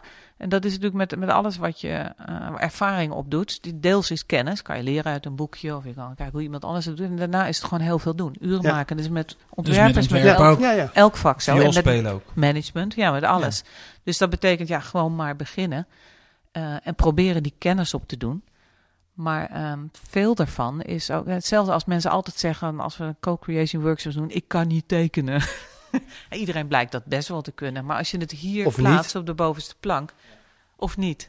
Maakt het uit. Ja. Ja, maar het maakt Uiteindelijk het gaat uit. het erom. Ja. Kan je Kun je idee. kun je idee overbrengen. Ja. Ja. precies. En dat is hetzelfde als met interviewen. Uiteindelijk gaat het erom, kun je een vraag stellen. En misschien stel je een belazerde vraag, of misschien eh, is het antwoord heel verwarrend. Maar ja, beter dan geen vraag stellen. Ja. Maar 13 het is podcasts maken is beter dan 0 podcasts maken. Zeker, ja.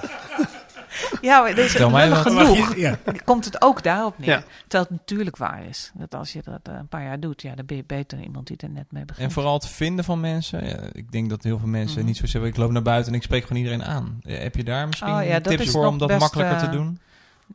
Ja, nou, in ieder geval, in ieder geval niet je eigen vrienden, buren, collega's. Maar misschien wel vrienden van vrienden. Dat zijn alweer Ja, onbekenden mensen, voor jou. ja, en mensen die, eh, waar je een beetje neutraal naar kan kijken. Ja. Ehm, en ook neutrale conclusies over kan trekken. Want soms moet je, kan je zeggen, iemand snapt iets niet. En dat is gewoon moeilijk te zeggen van je eigen Moet niet- zusje. Of de directeur marketing. Of de, moet niet te dichtbij zijn. Moet niet te betrokken nee, zijn bij het nee, project. je moet toch een beetje ehm, neutraal instaan. Maar dat betekent dus inderdaad dan niet je eigen vrienden vragen, maar vrienden van je vrienden. En dat is helemaal niet zo moeilijk. Dus dat is wel te vinden. En opletten, al doe je maar drie interviews, doe dan niet alle drie met 20-jarige studenten. Ja.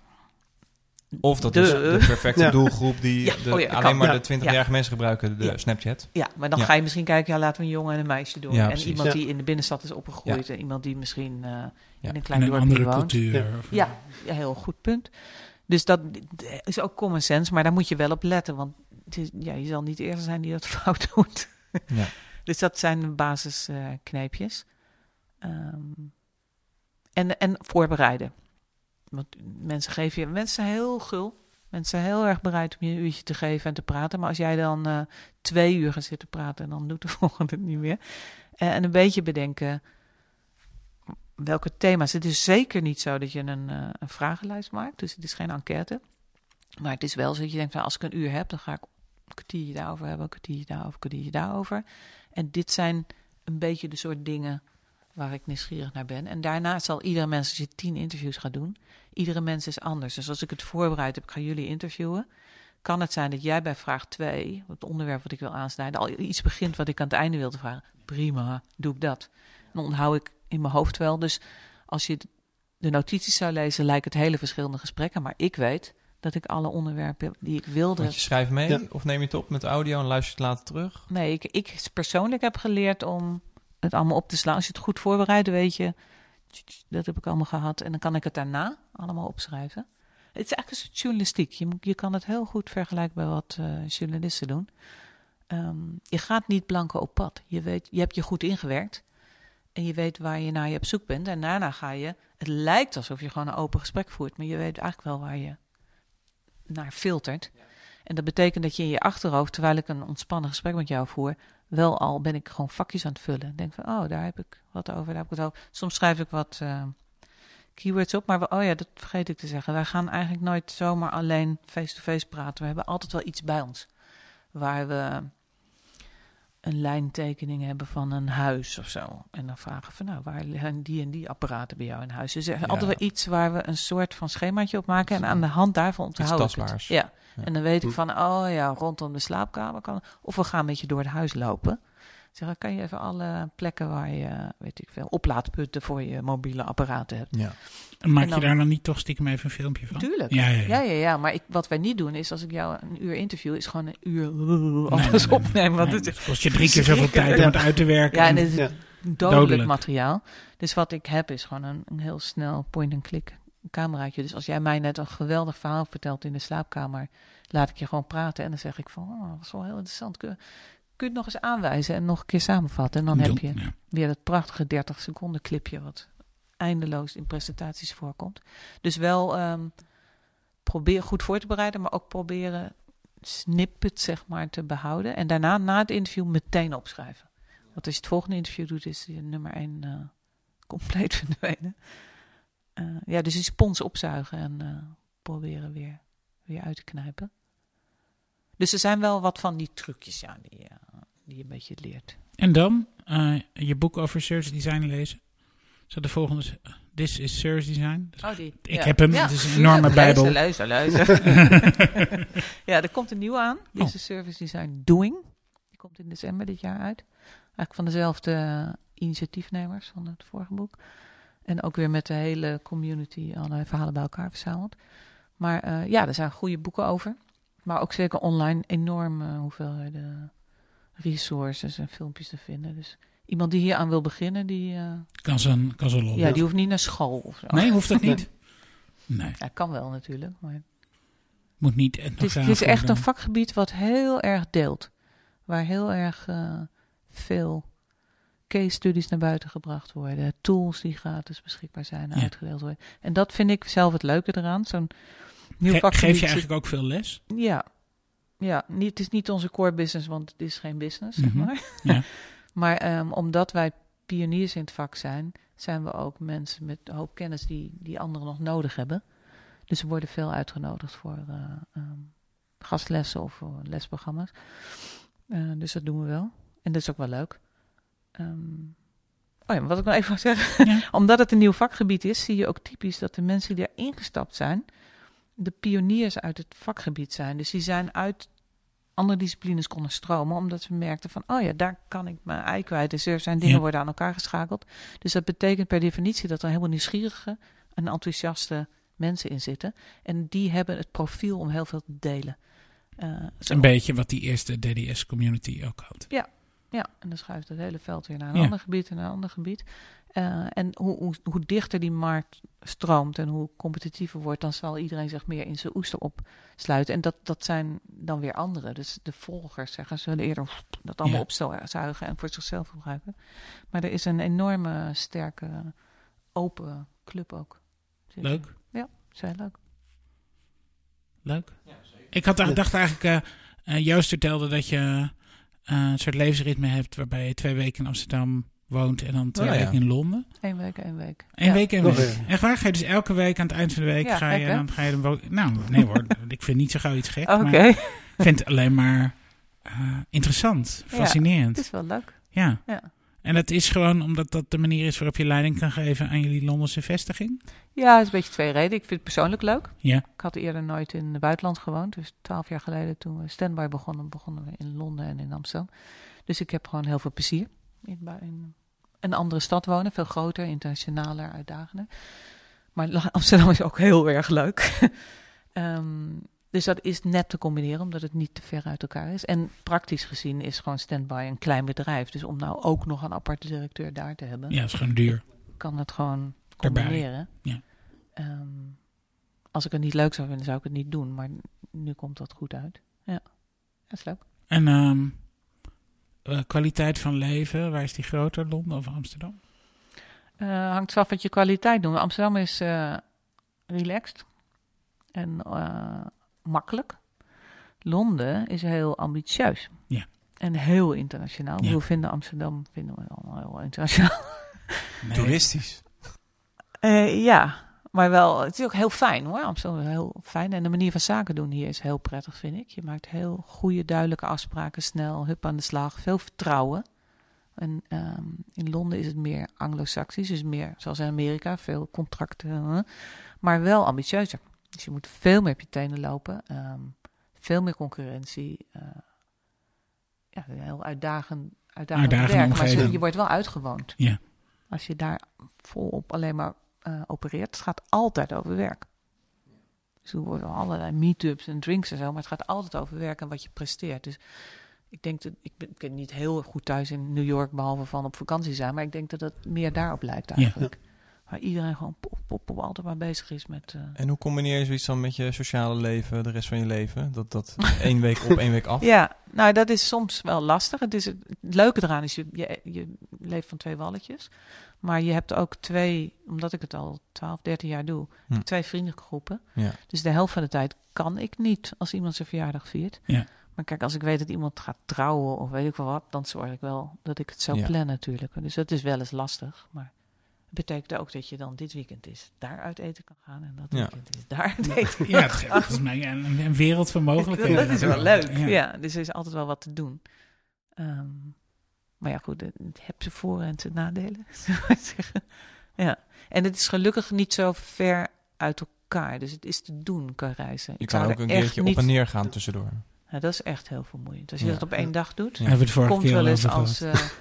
Eh, als Met, uitzondering met Jasper van voor. Kuik, want dat- je- ik doe het regelmatig. Slopend. Ja. Nou ja, het is, ik vind het prima te doen. Het is, eh, maar het is best inspannend. Je, moet niet, je Ja. kan het niet drie dagen in een week doen, zou ik maar zeggen. Ja, Maar het is op zich prima te doen. ja. Zo één keer per week is net goed. En dan neem ik ook de trein. Niet de Oh ja, doe je dat? Eh, Ja. Ja, ja. Ja, dus dat is heel het rustig. Daar hadden we het ook over. Ja, dan je ga ik stapt nu... gewoon op Amsterdam Centraal op. Je stapt uit St. Pancras uit. Ja.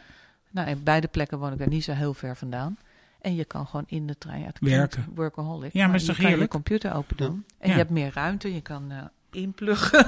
Ja, nee, maar... Dat is allemaal heerlijk. heerlijk. En het kost maar een beetje meer tijd. Maar En dan moet je in is Brussel... het. Ik wil, dit is Ja. gewoon even eigen belang, sorry. Brussel overstappen. ja, Brussel kan het er altijd nog uitknippen. Maar En dan kost Ja. dat veel tijd of niet? Eh, een half uurtje, denk ik. En dan ben je in 4,5 uur van deur tot deur. Ja, ik denk 35. Als je vliegt is het meestal al zoiets van 4. Ja, dus vier, één meer, maar Maar kwalitatief, kwalitatief beter. beter. Ja, zeker, zeker. zeker. Nou, Maar ik zou dus niet aan moeten denken om dat lange afstand te doen. Zeg maar naar New York vliegen of zo. eh. dus ik hou eigenlijk helemaal niet van... eh, hoe noemde Jasper dat ook weer? De cognitieve belasting? Wat zei hij ook weer? Weet ik niet meer. Waar ging het over? Welk context? Over Welke eh, belasting? eh, de, de, de, de, eh, Oh, zo. Dat het eh, inderdaad. Ja, daar hadden we het ook over. Ik, het is korter, maar ja, ik moest ook wel eens met de trein van Zaandam naar Rotterdam. Ja. En dan nam ik wel eens de stoptrein, die er gewoon 20 minuten lang over doet. Maar die gaat Ja. in één keer. Dat vond ik makkelijker dan overstappen Sloterdijk en dan Ah, wachten. En dan is de Ja. onzekerheid ervan. hetzelfde Is principe. die trein niet vertraagd en Ja. haal ik die trein wel en zo. Dat, ja, dat was, ging inderdaad ja, dat is iets anders als, dan cognitieve belasting. maar ik snap hem. Ja. En, Dat Ja, komt David. namelijk, nee, om daarop op terug te komen, Ja. naar psychologie. sorry. Cognitieve belasting is iets, heel- wel iets in ons vak, maar dat is als je iets moet begrijpen. Dus iets is gewoon niet goed vormgegeven en jij moet de hele zaak. Oké, dan moet je er energie in stoppen. Zoals dat appje en die bord. Ja. Bij de bord heb je gewoon geen cognitieve belasting. De deur is hier.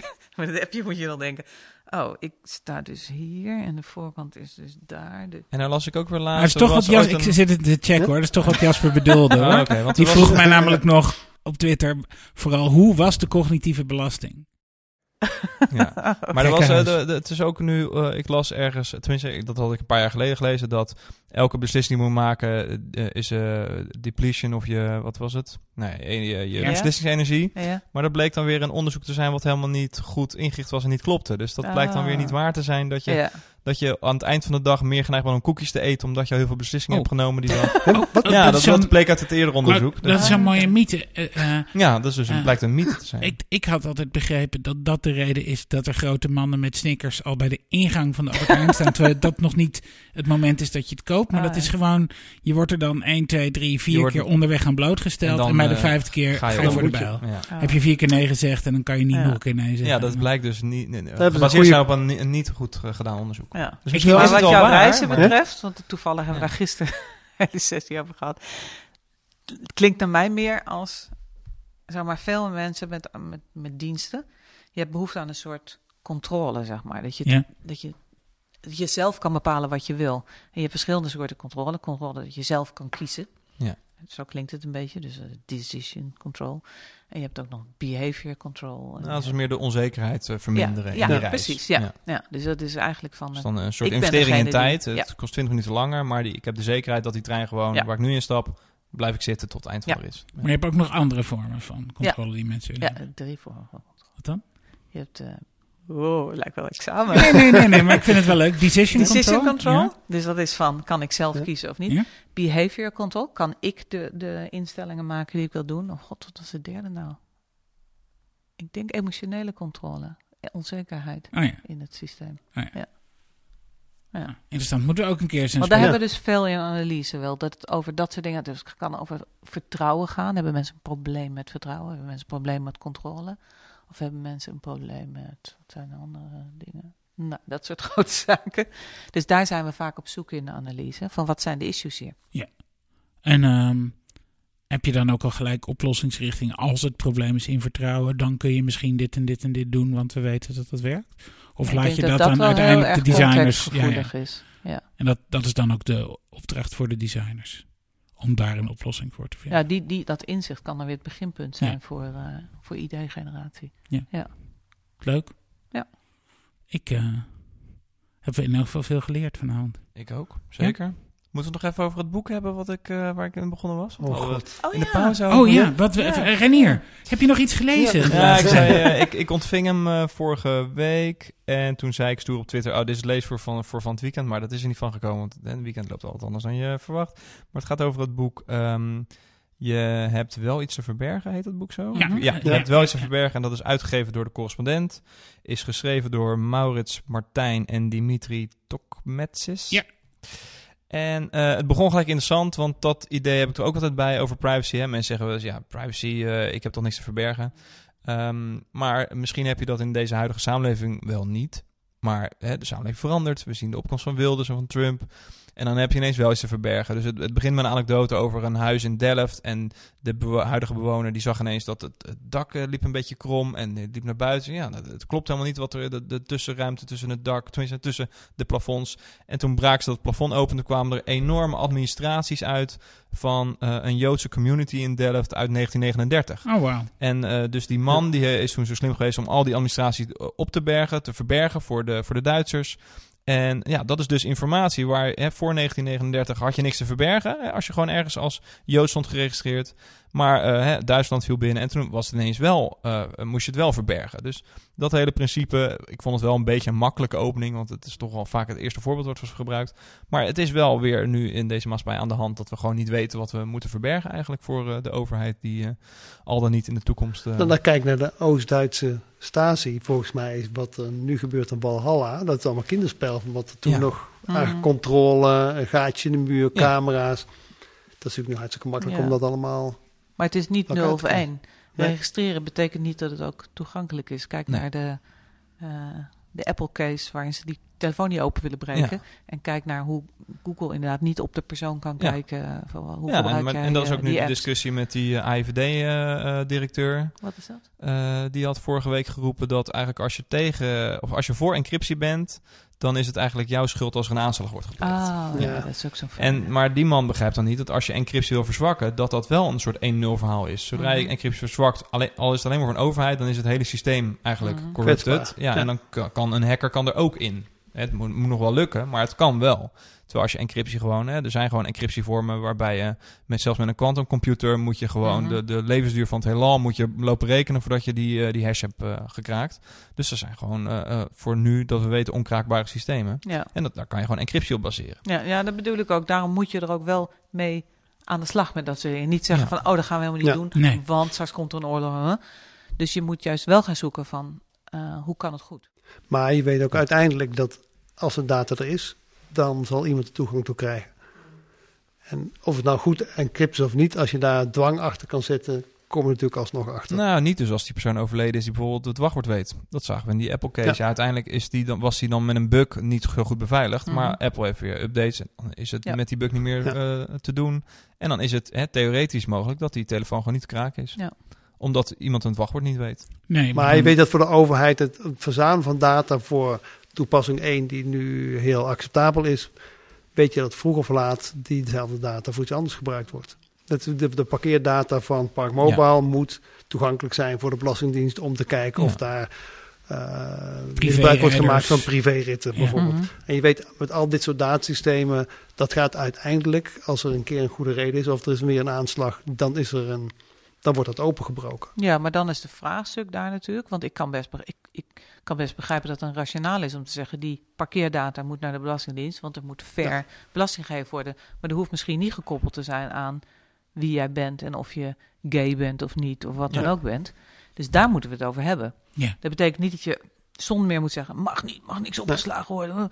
Dus sommige dingen moet je misschien juist wel opengooien. De blockchains. Er zijn zat Ja. dingen waar nu informatie weg in een soort Ja. silo zit. Terwijl ze zeggen, gooi maar open, dan is het veel eerlijker. En er is bepaalde informatie, daar moeten we heel voorzichtig mee zijn. Dus daar moet je het juist wel mij. Maar, Maar, vraagt, het is ook wel... vraagt dat niet veel meer kennis van Ja. iedereen Dus die aan deze deskundigen discussie... moeten ja, daarmee Ja. mee aan de slag. Ja. Dan moet En- je niet inderdaad... Maar niet deskundigen nemen de eh, beslissingen. Dat is volgens mij het Nou ja, en het is natuurlijk, en dat is natuurlijk deels een geregisseerd en politiek verhaal van zo'n IVD-directeur. Tuurlijk, hij zegt Ja. hij nu is extreems en dan probeert hij een afgezwakte Ja. versie toch erdoor in te krijgen. Maar wat ik wel jammer vind, is dat er in niks in dat interview ook maar enigszins blijkt dat hij eigenlijk snapt Nee, waar de discussie over gaat. Dat is het gevaar en dat ook. vind ik heel link. ja. Ja. Ik, laten we even het voordeel van de twijfel geven. Maar Dat, hij het, Dat- eh, dat een dit politiek interview- spelletje is. uit dit Ja. interview Zou bleek kunnen. het niet. Hm. Nee. Nou, het is ook wel volgens mij die auteur van het boek, eh, van de correspondent, heeft een aantal artikelen geschreven. Ja. Volgens mij ook eerder Ja, een, heel een aardige eh, uitleg hoe je ogenschijnlijk onschuldige Ja. datasets die waar niemand mee eh, kan traceren, als je dat combineert, toch veel meer informatie kan Ja. vinden dan je zou verwachten. Dat dus wat klopt. oorspronkelijk onafhankelijk lijkt of, of onschuldig, dat kan je verrijken en uiteindelijk kom je toch op jouw Ja. eh, gegevens Nee, dat is helemaal waarom. En daarom is het ook zo goed wat ze doen. En wat een heleboel hackers Ja. eigenlijk ook doen. Proberen en aan de orde stellen. Ja. Ja. Dat is de enige manier waarop het eh, beter kan worden. zo is het. En iemand die dat omgekeerd gebruik van maakt, vindt het ook zo grappig. Kijk uit wat er op social media en wat je post eh, verschijnt als je solliciteert. Ik bedoel, als je een beetje handig bent, dan zorg je voor berichten die jouw sollicitatie Voor, nee, maar Ja, als je weet hoe het systeem werkt, Ja. Kun je het ook manipuleren omgekeerd en manipuleren. ja. Ja. En dan is het gewoon, eh, ja, dat lijkt mij wel leuk. Nou Joost, heb je sollicitatieplannen? Ja,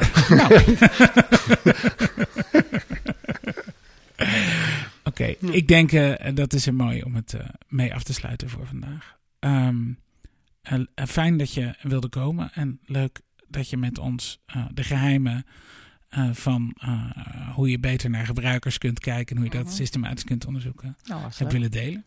was eh, leuk om een gesprek. dankjewel. Dankjewel. ja dank u. Oké.